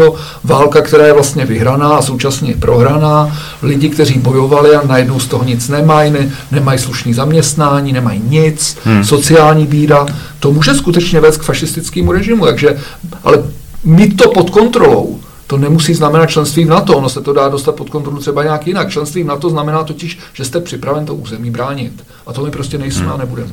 Jasně. Dobře, eh, teď po té, jak tady ta ofenziva nedopadla, tak prostě je taková vlna v tom na, na západě ohledně toho, že teda se blíží jednání, že by se mělo jednat.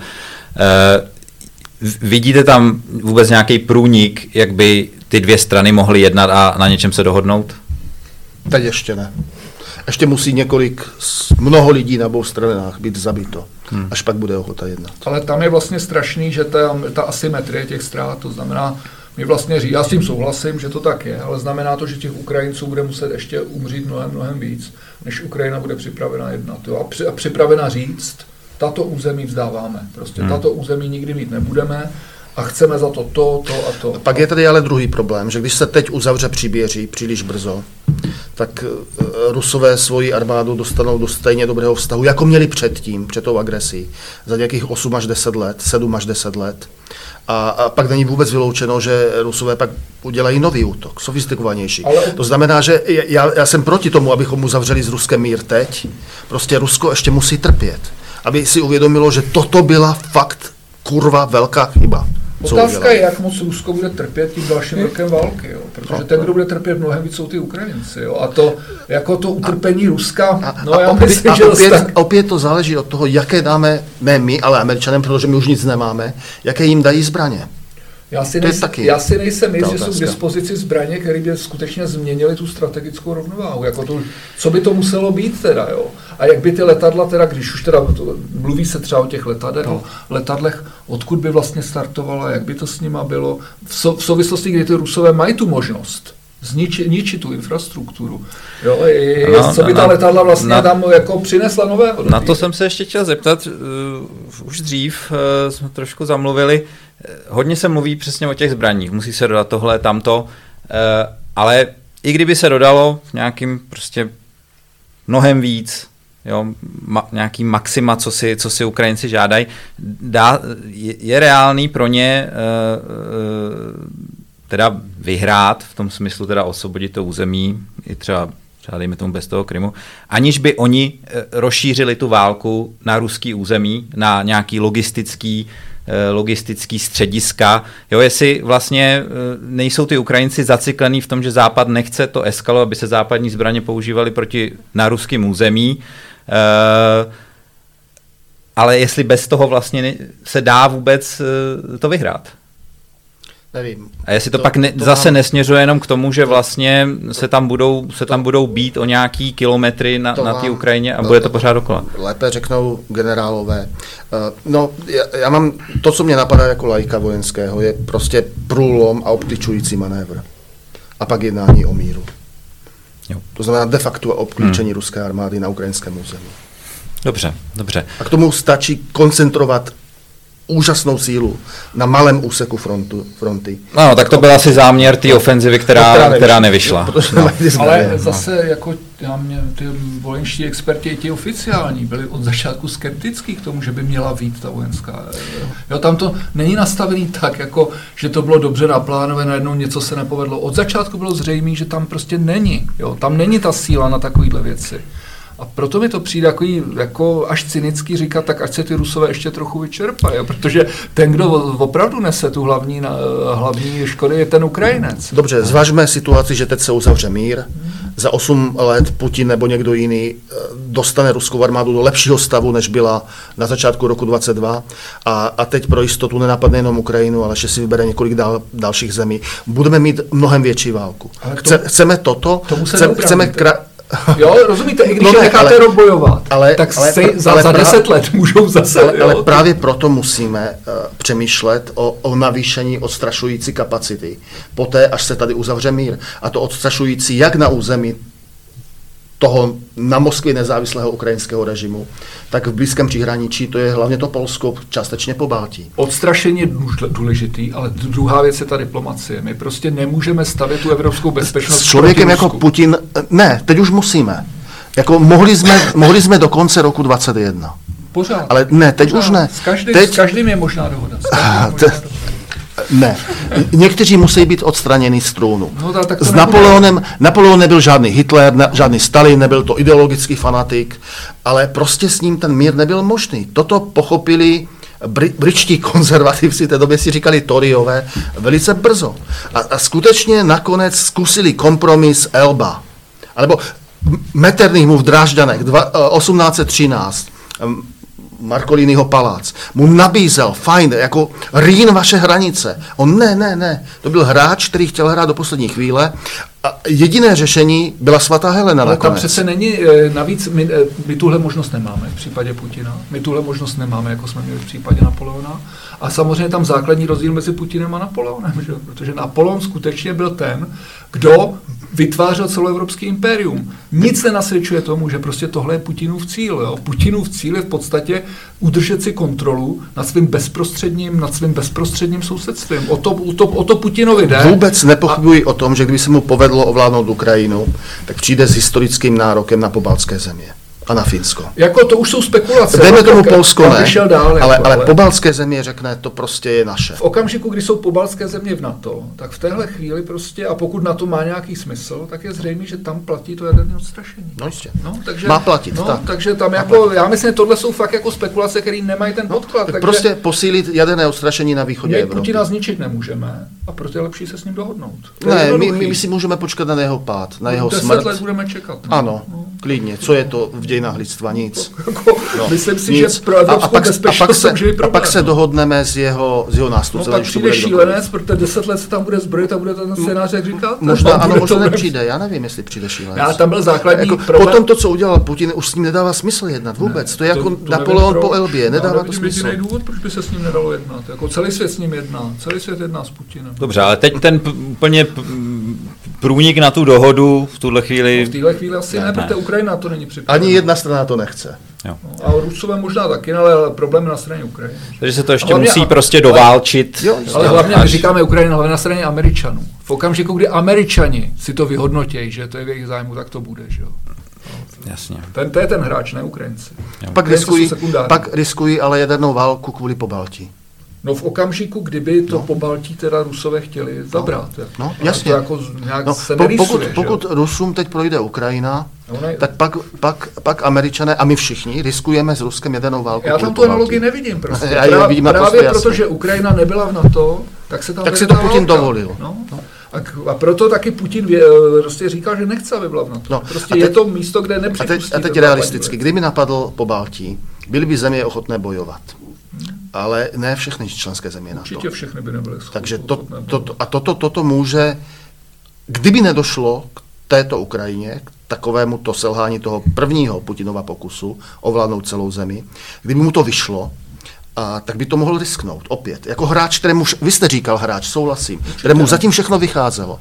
A řekne si, fajn, kdo, jaký blázen v Paříži, možná Londýně, určitě Berlíně, by šel do války kvůli Vilniusu, Talinu a Rize, součástí to ruského impéria Ale- od eh, druhé poloviny 18. On, století. ale víte, tam by se o tomhle se nerozhodovalo ve Francii a v Německu. Ne, ty jsou nepodstatný pro tohle. Tohle by se rozhodovalo ve Washingtonu, protože tady by šlo o kredibilitu Washingtonu. Francie a Německo v těchto otázkách žádnou kredibilitu nemají, co si budeme říkat. ve Washingtonu, ve. Varšavě by se to rozhodovalo zajisté. Ve. Washingtonu by to rozhodli a bylo by zřejmé, že prostě Washington by na to musel zareagovat na tohle. No, já na douf, do doufejme, doufejme. No a pokud Má-li ne- platit naše slovo, tak doufejme. Pokud ne, tak je to ce- celý na to stejně nemá smysl. Pak by na to No, nemělo smysl. nemělo smysl. Ale chceme, chceme tento test podstoupit? Nechceme ho podstoupit. A proto si myslím, že je možný, dobré, aby Rusko ještě zatím stále dostávalo Ale já myslím, že z tomu testu se jako neubráníme. Jako, jo, to, není, to není jako něco, co by nám ten test znemožnilo. Jo, to tak není přece. To za deset let to zase můžeme být... Chtěl jsem Ukrajinu, nezískal jsem Ukrajinu. To znamená, můžu zapomenout na ještě ambicioznější plán po Baltí. Proto nyní musí být zřejmé i prostým Rusům, že to na Ukrajině se jim teď nepovedlo. Ale- Do roku 21 Báťuška, Voloďa, skvělý car, všichni jsme byli šťastní, milovali jsme ho.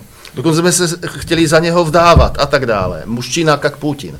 Ale, ale teď se mu prostě už něco nepovedlo a tím pádem musíme dávat dohromady Rusko a ne pomyšlet na Pobaltí například. Jo, ale tam, eh, víte, tam jako není vůbec zřejmé, že pomýšlel na Pobaltí. A to, co se tam odehrálo na té Ukrajině, s tím, že to odvrátilo hrozbu pro Pobaltí, to je, tak čira, to, to je skutečně, to na ničem nestojí. A na jednu stranu máme spekulace a na druhé straně máme tisíce mrtvých. Jo. To znamená, to, že se prostě Západ pustil do té Ukrajiny tímhle způsobem, že tam prostě začali vtahovat do toho NATO, to mi přijde nezodpovědný. No. Jenom proto, aby jsme se vyhnuli testování v Pobaltí.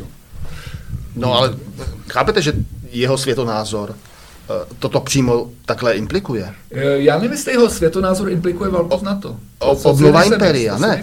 Samozřejmě každý chce plody války bez eh, nutnosti podstoupit válku. A jako, A kdyby mu vyšla Ukrajina, tak jeho, jeho eh, diagnóza západu jako totálně dekadentního by byla naprosto správná. Ne, naprosto to správná. je prostě na a pak úrovni, proč, proč nerozštěpit na to na otázce po Baltí? ale on, on by ho ani nerozštěpil, protože na to stojí na americké síle a americk, záleželo by, jak by se zachovala americká síla. Dobře, eh, já bych možná měl asi poslední otázku na tu Ukrajinu. Jak jste zmiňoval to, že to vlastně ve výsledku závisí na Američanech, mm, jestli se bude dál bojovat a, a, a vlastně ten ukrajinský osud teda je svázaný s americkou podporou.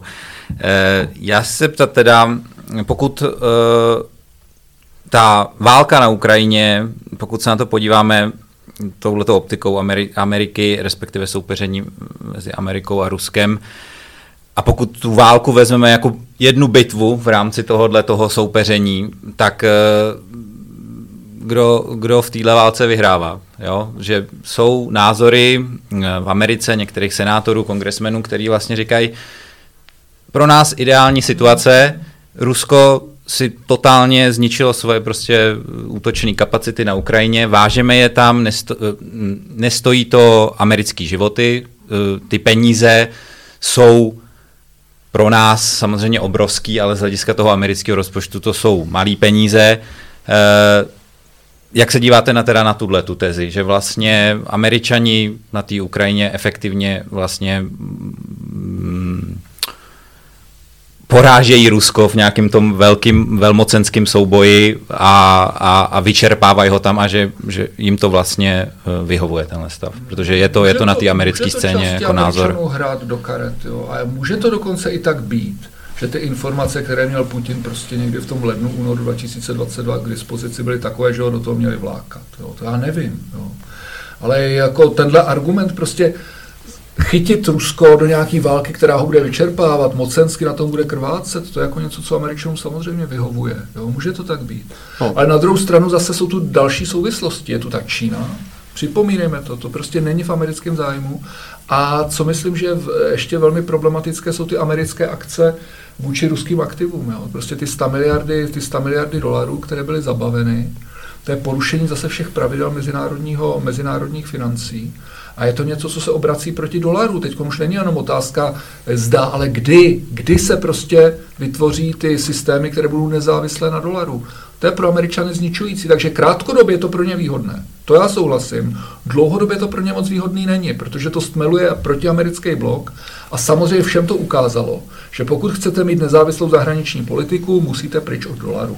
A pryč od dolarů bude znamenat pro Američany obrovský průšvih, protože už nebudou moc žít na účet zbytku světa, tak jako to dělají posledních kolik? 80 let. No, tak s touto ekonomickou analýzou naprosto nesouhlasím. Je to naprosté nepochopení tržního hospodářství, což je u socialistů běžné, ale eh, k té vaší tak otázce... Tak to vysvětlete z hlediska teda jako liberála. Svo, nebo... Svobodný obchod je, je vždycky z principu věci výhodný pro obě obchodující strany. Z no, principu věci. To, to, tak, to, ale, teda neplatí, ale, to jsem, ale, o tom jsem vůbec nemluvil. Jasně, teda. Ale, já jsem mluvil o dolaru, že já jsem mluvil o jako finanční rezervní měně. Putin se rozhodl, nebyl vlákán do pasti, Putin se rozhodl, mohlo mu to vyjít. Já neříkám, že mo, mohlo mu to vyjít, kdyby ten výsadek v Hostomelu uspěl. Všichni čekali, že ten kijevský režim padne. Američané zavírali ambasádu v Kijevě. Zelenského chtěli odvést pryč někam do Polska. Eh, nakonec ne, byli překvapeni, že Ukrajinci vydrželi a pak padlo hmm. to rozhodnutí, teda fajn, budeme je podporovat. A z hlediska čistě cynické geopolitiky hmm. je to pro Američany výhodné. Ta finanční pomoc Ukrajině je zlomek amerického rozpočtu, včetně obraného rozpočtu. Američané neumírají. Jeden z dvou hlavních geopolitických soupeřů, Rusko-Čína, je oslaben, stává se bazalem druhého. Uh, možná uh, to trošku vneslo větší opatrnost do přemýšlení eh, Číny eh, ohledně snadnosti dobytí Tajvanu. Možná i ten nejlepší plán rychle něco obsadit nemusí vyjít. Eh, Američané svrhli režim Sadama Husseina rychle, totálně podcenili Gradle například. A čínský režim taky není moc nadšen z tohoto, ze změny hranic. Jako, čínský režim je konzistentní v tom, že trvá na neměnosti hranic. To tom, samozřejmě kvůli své, no, svým vlastním zájmům, ale v tomto je konzistentní čínský hmm. režim, ano. Takže e, já si myslím, že zatím čínský režim se e, vítá to, že se stává ekonomickým vítězem toho konfliktu. A, a důvěra světová v americkou ekonomiku je silná. Já bych si odhadnul, že uh, dolar nějakou dlouhou dobu ještě rezervní měnou zůstane.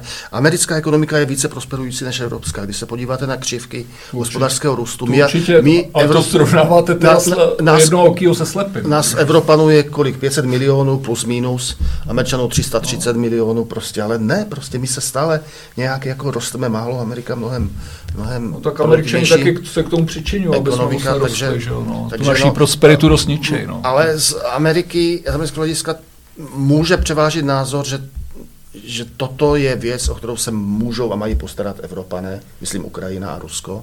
Že Rusko už je tak oslabené, že tady už my máme, nebo měli bychom mít dost prostředků na toho zadržovat. A, a, že, a že jejich priorita je právě Čína. No a je, je možno tato, vůbec s tímhle scénářem pracovat, že by to převzali Evropani, e, že ty postoje Ne. těch západoevropských velmocí. Bez, bez alespoň částečné podpory Američanů ne. To neudělají Evropané.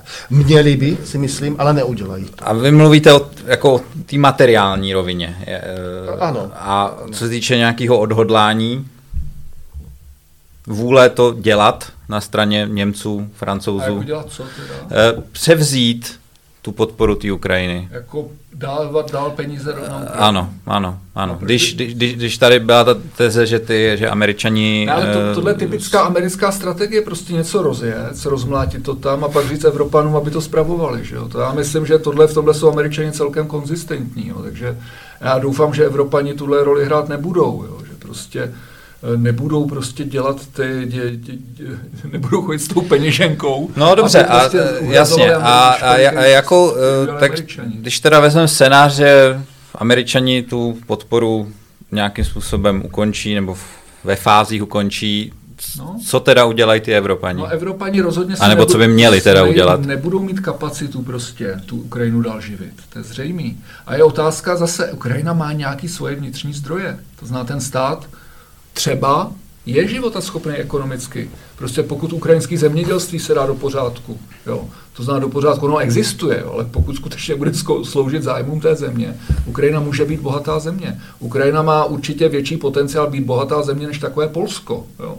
A srovnejme si, kam to dovedli.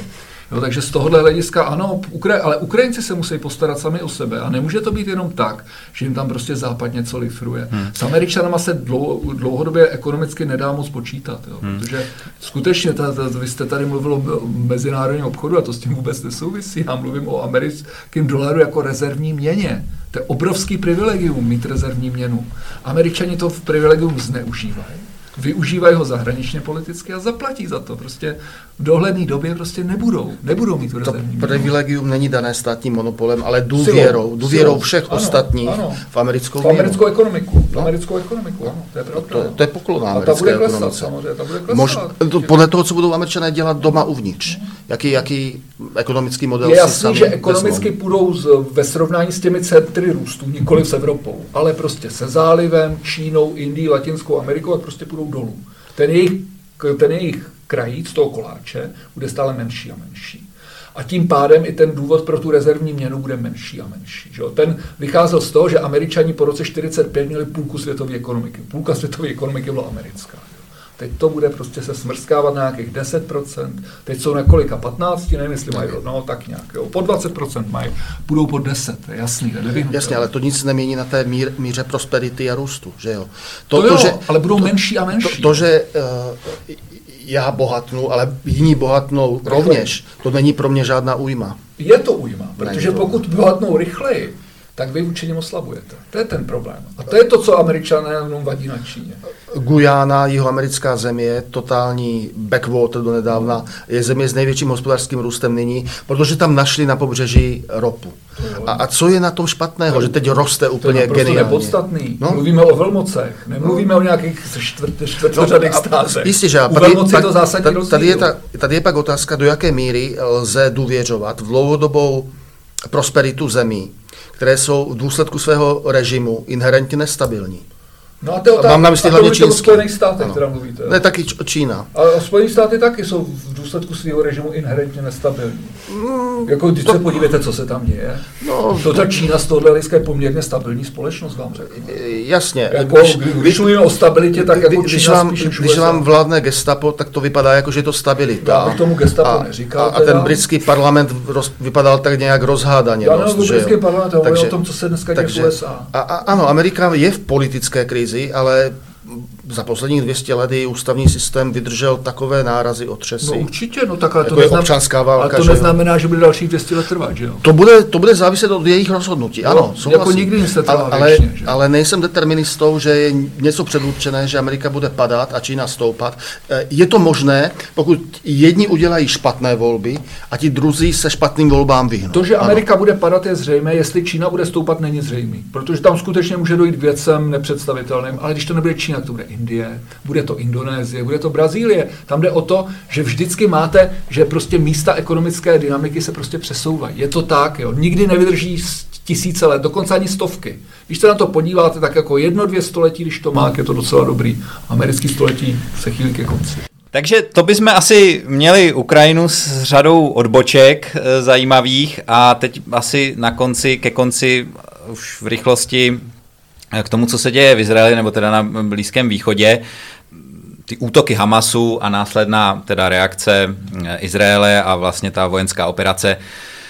Vidíte to jako něco v rámci té dlouhé řady těch blízkovýchodních konfliktů, jako něco, co je kvalitativně jinýho, nebo je to prostě další, další souboj a to teď myslím z hlediska nějaký potenciální eskalace e, regionální a taky z hlediska toho dvoustátního řešení, který oficiálně je stále západem hm, prosazovaný jako, ta, jako to finální řešení. E, jestli ty, tyhle ty dvě věci to nějakým způsobem e, ovlivňuje? Nebo může, může ovlivnit? No, ve stručnosti, no. E, kvalitativně odlišné Nemyslím si, že to dramaticky změní situaci na Blízkém východě. Kvalitativně odlišné je to, že to byl největší masakr Židů od roku 45. Za jeden den. Za jeden den. Hamas se stal v uvozovkách obětí svého velkého úspěchu a tím si v podstatě zajistil své zničení. A arabské země s Izraelem už nemají problém. Ani Egypt, ani Jordánsko, ani Saudská Arábie. Vnímají Izrael jako spojence proti Iránu. Hamas, ačkoliv sunecké hnutí je podporováno Iránem, Hezbalah je šítské hnutí taky podporováno mm, Iránem. Ta dohoda mezi Izraelem a Saudy, kterou měl tento útok uh, přerušit, je pouze v čase odsunuta, protože na faktech se nic nemění. Hamas, pobočka egyptského muslimského bratrstva, Saudové uvítali převrat generála Sisi v roce, v roce 2013 který svrhl muslimské bratry, eh, nemají rádi Hamas, taky jim vadí, že Hamas je eh, klientem Iránu. Irán je velice opatrný, nechce ten konflikt rozšířit, protože ví, že američané a Izraelci, ale hlavně američané můžou zlikvidovat jeho rafinerie a, a zničit přístavy uh, na, pro export ropy. Takže iránský režim by při, přišel o zdroje svých příjmů. Izraelci taky nechtějí eskalovat ten konflikt proti Iránu, teď minimálně. I když uh, jsou silné indicie, že to naplánovali Iránci, toto. A Hamas to vykonal. Ale definitivní důkaz jako věrohodný není. Uh, ale Izraelci to nechtějí eskalovat, protože že nepotřebují druhou frontu na severu. Hezbollah má více raket, než měl Hamas, jsou přesnější. Bylo by to více devastující pro Galileu. Železná kupole by nebyla schopna odstínit všechny ty hmm. rakety Hezbollahu, jako byla schopná odstínit v podstatě všechny rakety Hamasu. Hamasu se povedla psychologická operace, tvářili se umírněně, požadovali navýšení počtu lidí z pasma Gazy, aby mohli pracovat do Izraele, 17 tisíc, pak 20 tisíc. Eh, dávali Izraelcům eh, informace o pozicích raket islamského džihádu, což je šítská organizace, ne sunnická v pasmu Gazy. Izraelci se domnívali, že že v pozitivním smyslu jsou skorumpovaní luxusem, bohatstvím, že už chtějí prosperitu pro lidi, že jsou něco jako Mahmud Abbas na západním břehu, skorumpovaný naprosto, ale životní úroveň Arabů na, v pásmu Gazy je desetkrát vyšší než pardon, na západním břehu je desetkrát vyšší než v pásmu Gazy, díky tomu zapojení do izraelské ekonomiky. A, takže co, co se stane teď? Hamas bude zničen, Izraelci se nezastaví, dokud nezničí Hamas. Je to dobře, je to jediná správná reakce civilizace na takovéto barbarství. Lidé jsou si rovní, ale režimy si nejsou rovní v žádném případě. To je zásadní konzervativní postřeh. Prostě jakobinský režim je něco, co se nedá tolerovat v Evropě, proto zničit. Robespierre, pak Napoleona. A e, co se stane s Gazou? Nejlepší by bylo, aby nad tím měli protektorát spojené arabské síly, Egypt, Jordánsko, Saudové, ti to nechtějí, takže v pásmu Gazy se vytvoří jiná arabská. Izraelci nechtějí okupovat Gazu. Na co, hmm. k čemu? Nepotřebují to. V, Izra- v Gaze se vytvoří nějaká arabská vláda, jiná než Hamas. My, Evropané a Američané, tam budeme platit i nadále. Prostě náš daňový poplatník bude platit, platit, platit ale Hamas bude zničen a dohoda s Saudy se podepíše. Takže ve stručnosti toto dvoustátní řešení zabil Hamas. Potom to, co se stalo 7. října, představa, že Izraelci vytvoří plně samostatný, plně samostatný, nejenom vnitřní autonomii, autonomii, jak je to teď, na západním břehu, aby riskovali, že se tam dostanou k moci lidé jako Hamas, hmm. tak to by byli blázni, kdyby to udělali. Prostě volby mají důsledky. Naposledy tam byly volby eh, na západním břehu i v pásmu Gazy v roce 2006. Eh, na západním břehu vyhrál Fatah, Mahmud Abbas, nástupce Jasira Arafata. Je to skorumpovaný režim, ale jde mu o prosperitu primárně. Eh, v Gaze vyhrál Hamas, který nikdy předtím nebyl u moci, nebyl tak skorumpovaný. No jo, v roce 2007 vytlačil všechny z Fatahu, nastolil tam vlastní diktaturu a, a nyní obyvatelé Gazy trpí, protože jednou udělali zásadní chybu ve volbách, že zvolili uh, maniakální vražedný kult k moci. Takže Hamas bude zničen a vztahy mezi Izraelem a arabskými zeměmi budou dobré jako předtím. Jo. Velice stručně analýza toho, co bude. Tak Hamas může být zničen. Otázka je samozřejmě, jak vojenskou silou zničit teroristickou organizaci.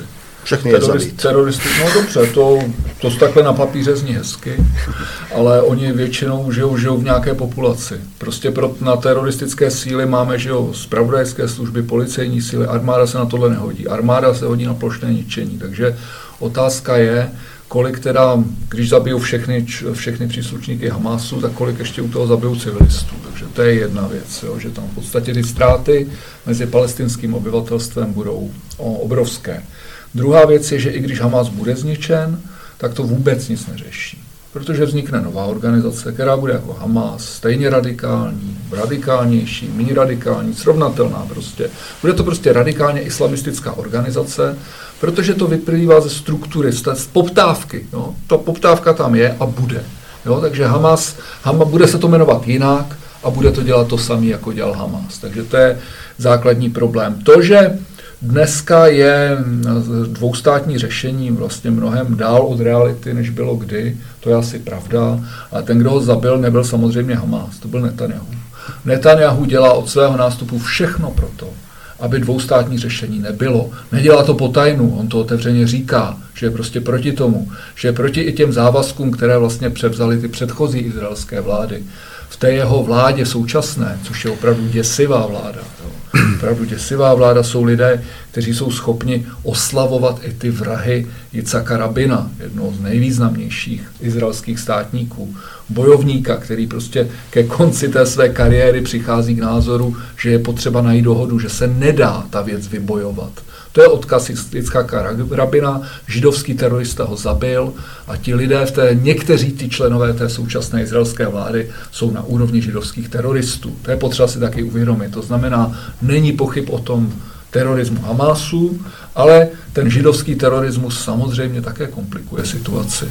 A to, to, to jak na úrovni nejvyšší, tak samozřejmě to, co dělají, vyvádějí na západním břehu, to, co dělají ve východním Jeruzalémě, a to je něco, co samozřejmě vzdaluje od toho dvoustátního řešení. Já si nejsem jist, že tam je nějaké lepší řešení. Jo. Prostě lepší řešení než, než to dvoustátní. Než to jo, protože to, že budou žít v jednom státě, to je jako těžko představitelné, jo, protože vemte si, to bude stát, který bude mít stejně Izraelců, stejně Židů jako Palestinců. Jo. Je možné do toho pustit demokracii? Chce, chce Izrael něco takového riskovat? Že se nakonec sami třeba stanou tou menšinou? No, myslím si, že Izraelci do něčeho takové dost dobře nemůžou jít do toho jednostátního řešení.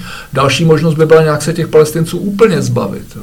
Ale to taky úplně nejde. No. Nejde to udělat humanitárně, že by je všechny vystříleli, jo, i když možná, že v té Gaze se tomu budou někteří z nich snažit přiblížit. A nejde to udělat ani nehumanitárně, nejde to udělat nějak, ani nějakou dohodou, že by si je vzali ty ostatní státy, protože oni prostě nestojí. Nestojí o migranty. Jako my tady v Evropě moc nestojíme o migranty, oni taky nestojí o migranty.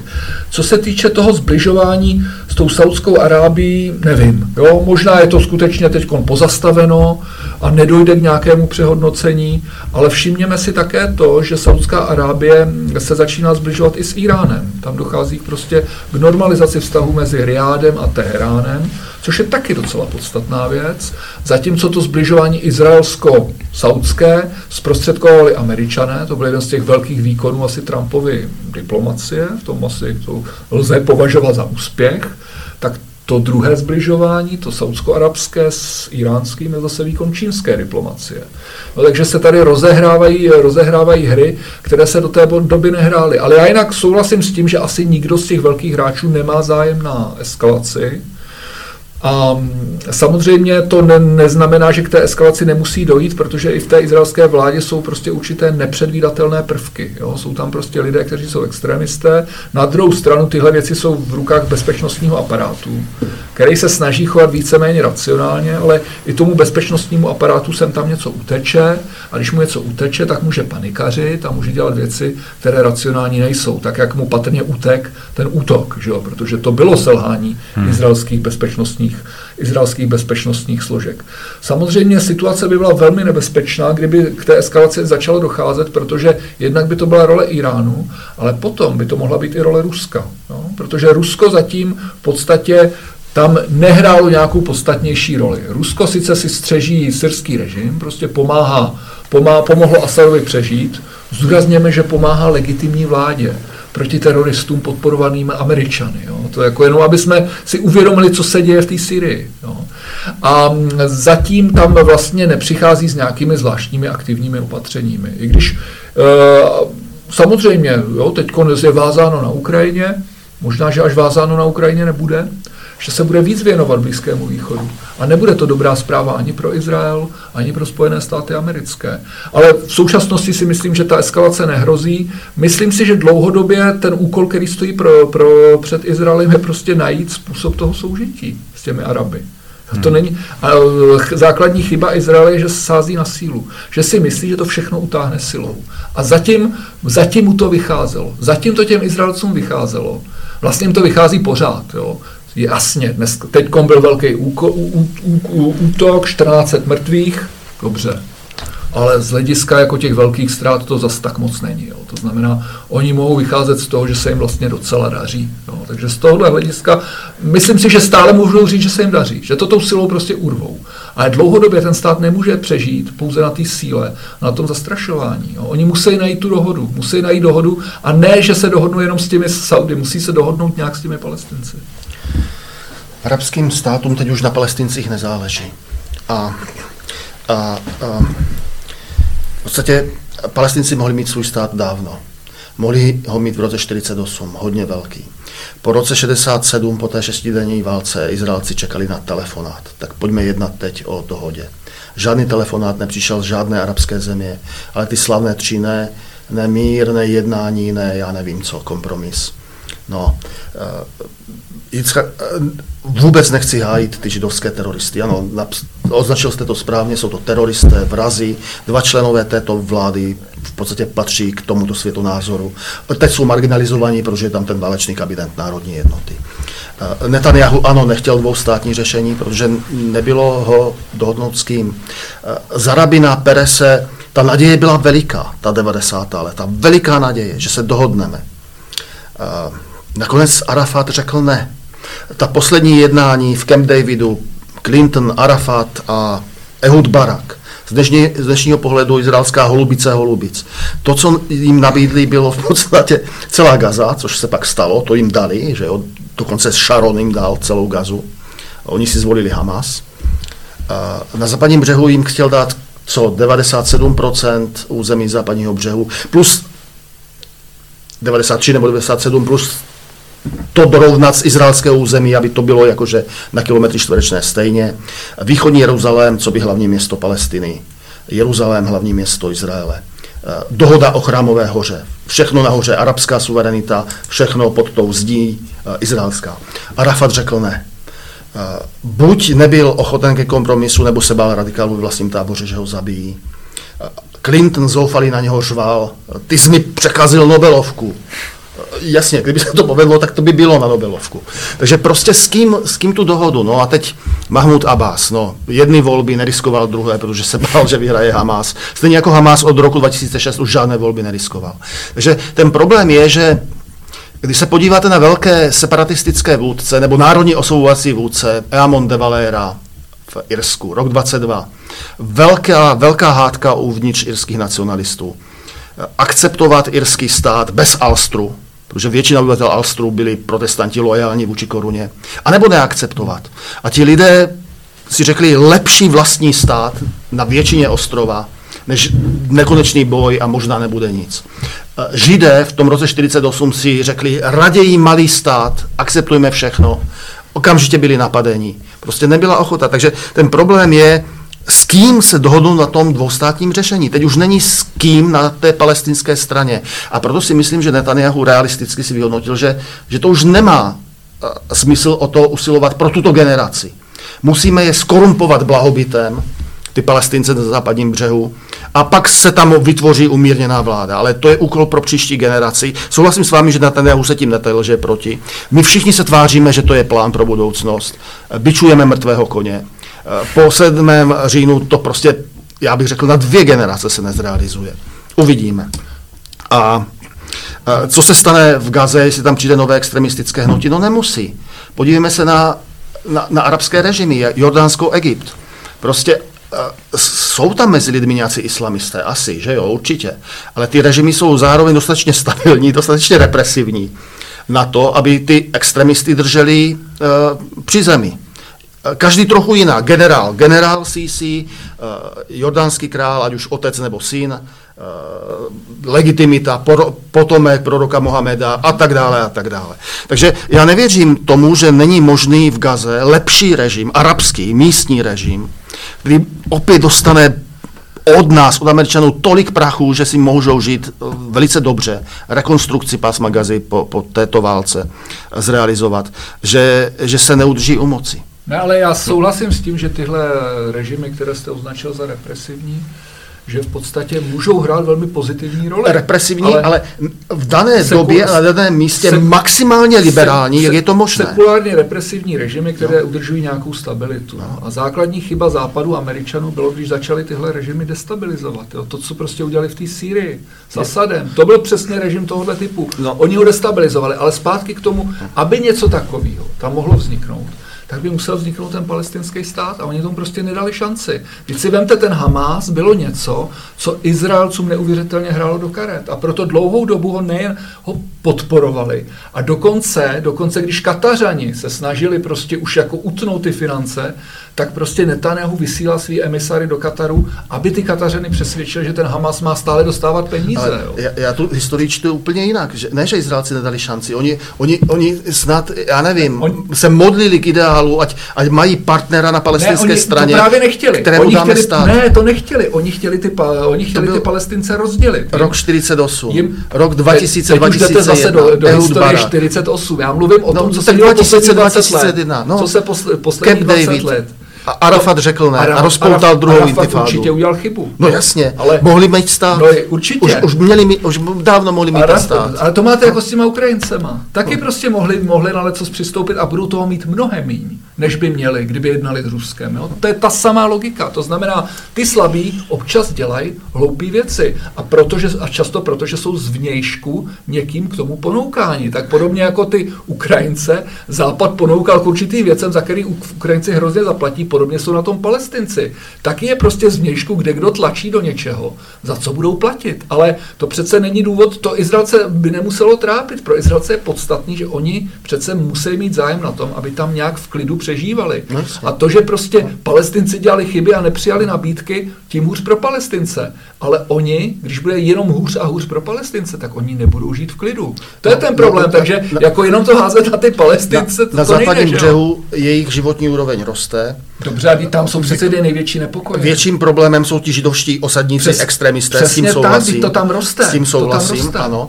Ale uh, a Netanyahu, toto, že za jeho premiérství se to stalo, to je v podstatě jeho konec. To je politický konec. Do války doslouží a pak to, to v podstatě je to jeho konec. A přijde nějaká jiná vláda, bez těch extremistů, nějaká širší, levo-pravá nebo středopravá, Podívejte, otázka a... je, co vznikne na obou stranách, protože, jak říkáte, v Izraeli může dojít nějaké hlubší sebereflexy a ta palestinská prezentace, reprezentace samozřejmě ve velmi špatném stavu. Máte no. pravdu, že to a, jsou no, skorumpovaní a, lidé na západním břehu, teroristi prostě v pásmu a, Gazy. A, a, otázka, a pokud tohle odejde a nastanou nové elity, jasně, tak, tak, tak je třeba možnost pro nějakou dohodu. Souhlasím. Takže kdo na západním břehu Jednak nahradí Mahmuda Abase, který už je kolik, os, 80 za chvíli 90, tuším, 88 nějak tak. No, kdo a bude s ním možná dohoda? No to by bylo ideální, že jo? Nějaký, je, dlouhodobě asi optimální je, aby tam vznikl palestinský stát. Jako... Ale, ale musí tam mít garance, ne? že se tam nedostanou k moci lidé jako Hamas. Ne, já tomu rozumím. Protože, no, protože... protože když se podíváme geograficky, tak centra židovské populace, to je ten pás od, já nevím, Aškalonu, Tel Aviv, Jafa, Netany a po Haifu, ten úzký pás. A vzdálenost do západního břehu je 16 kilometrů. To znamená, to, to, to, toto by bylo existenciální ohrožení uh, izraelského státu. Gaza ne, není. Gaza můžou zavraždit, dejme tomu, za den 2000 lidí, kdyby byli fakt dobří. Ano, to by se jim povedlo. Ale, ale kdyby, se, kdyby takovýto útok zorganizovali ze západního břehu, no tak ty ztráty na životech civilistech budou řádově vyšší. Takže palestinský stát může vzniknout za nového izraelského vedení, za nového palestinského vedení, pokud Izraelci budou přesvědčeni, že že toto se už nezopakuje z toho západního tak. břehu. A Arafat, který mohl vejít do dějin jako palestinský Amon de Valera, zakladatel nezávislého palestinského státu, první prezident, řekl ne. No, tak to, že, to, že Arafat Chyba. udělal chybu, je no. pravda, ale to neznamená, že prostě tím se končí a, a máte, historie, že jo? Jasně, že ne. A máte vy tip na to, kdo je palestinským vůdcem na západním břehu, s kterým lze uzavřít tento historický kompromis? Já žádný takový typ nemám. Já taky nemám, hlavně, já neznám nikoho. To je mezi nima, to si no, musí prostě jasně. Židi a Arabové tam mezi no, sebou dohodnout. Věděli jsme, že, že v Jižní Africe to bude Mandela, že ten konkrétní člověk, s kterým musí ten bývalý režim uzavřít historický kompromis, se jmenuje Nelson Mandela. A, a tady my nevíme o nikom takovém. No, tak ani na té izraelské straně na není dneska ale nikdo, kdo by byl schopen prostě takovýhleho prostě státnického gesta. Jo. To byl schopen Yitzhak Rabin, to byl Ariel Sharon schopen, že jo, no. v těch tam teďko není, no tak uh, uvidíme, ale možná, že ta krize, že, že to zabíjení dneska povede nakonec k nějakému, nějakému, nějaký katarzy. Takže to by asi bylo pro dnešek vše, poslední slova. Moc děkujeme za diskuzi. No bylo to super a my se těšíme teda na příště. Tak Mějte se. Ahoj. Díky, díky za pozvání. Děkuji, nashledanou.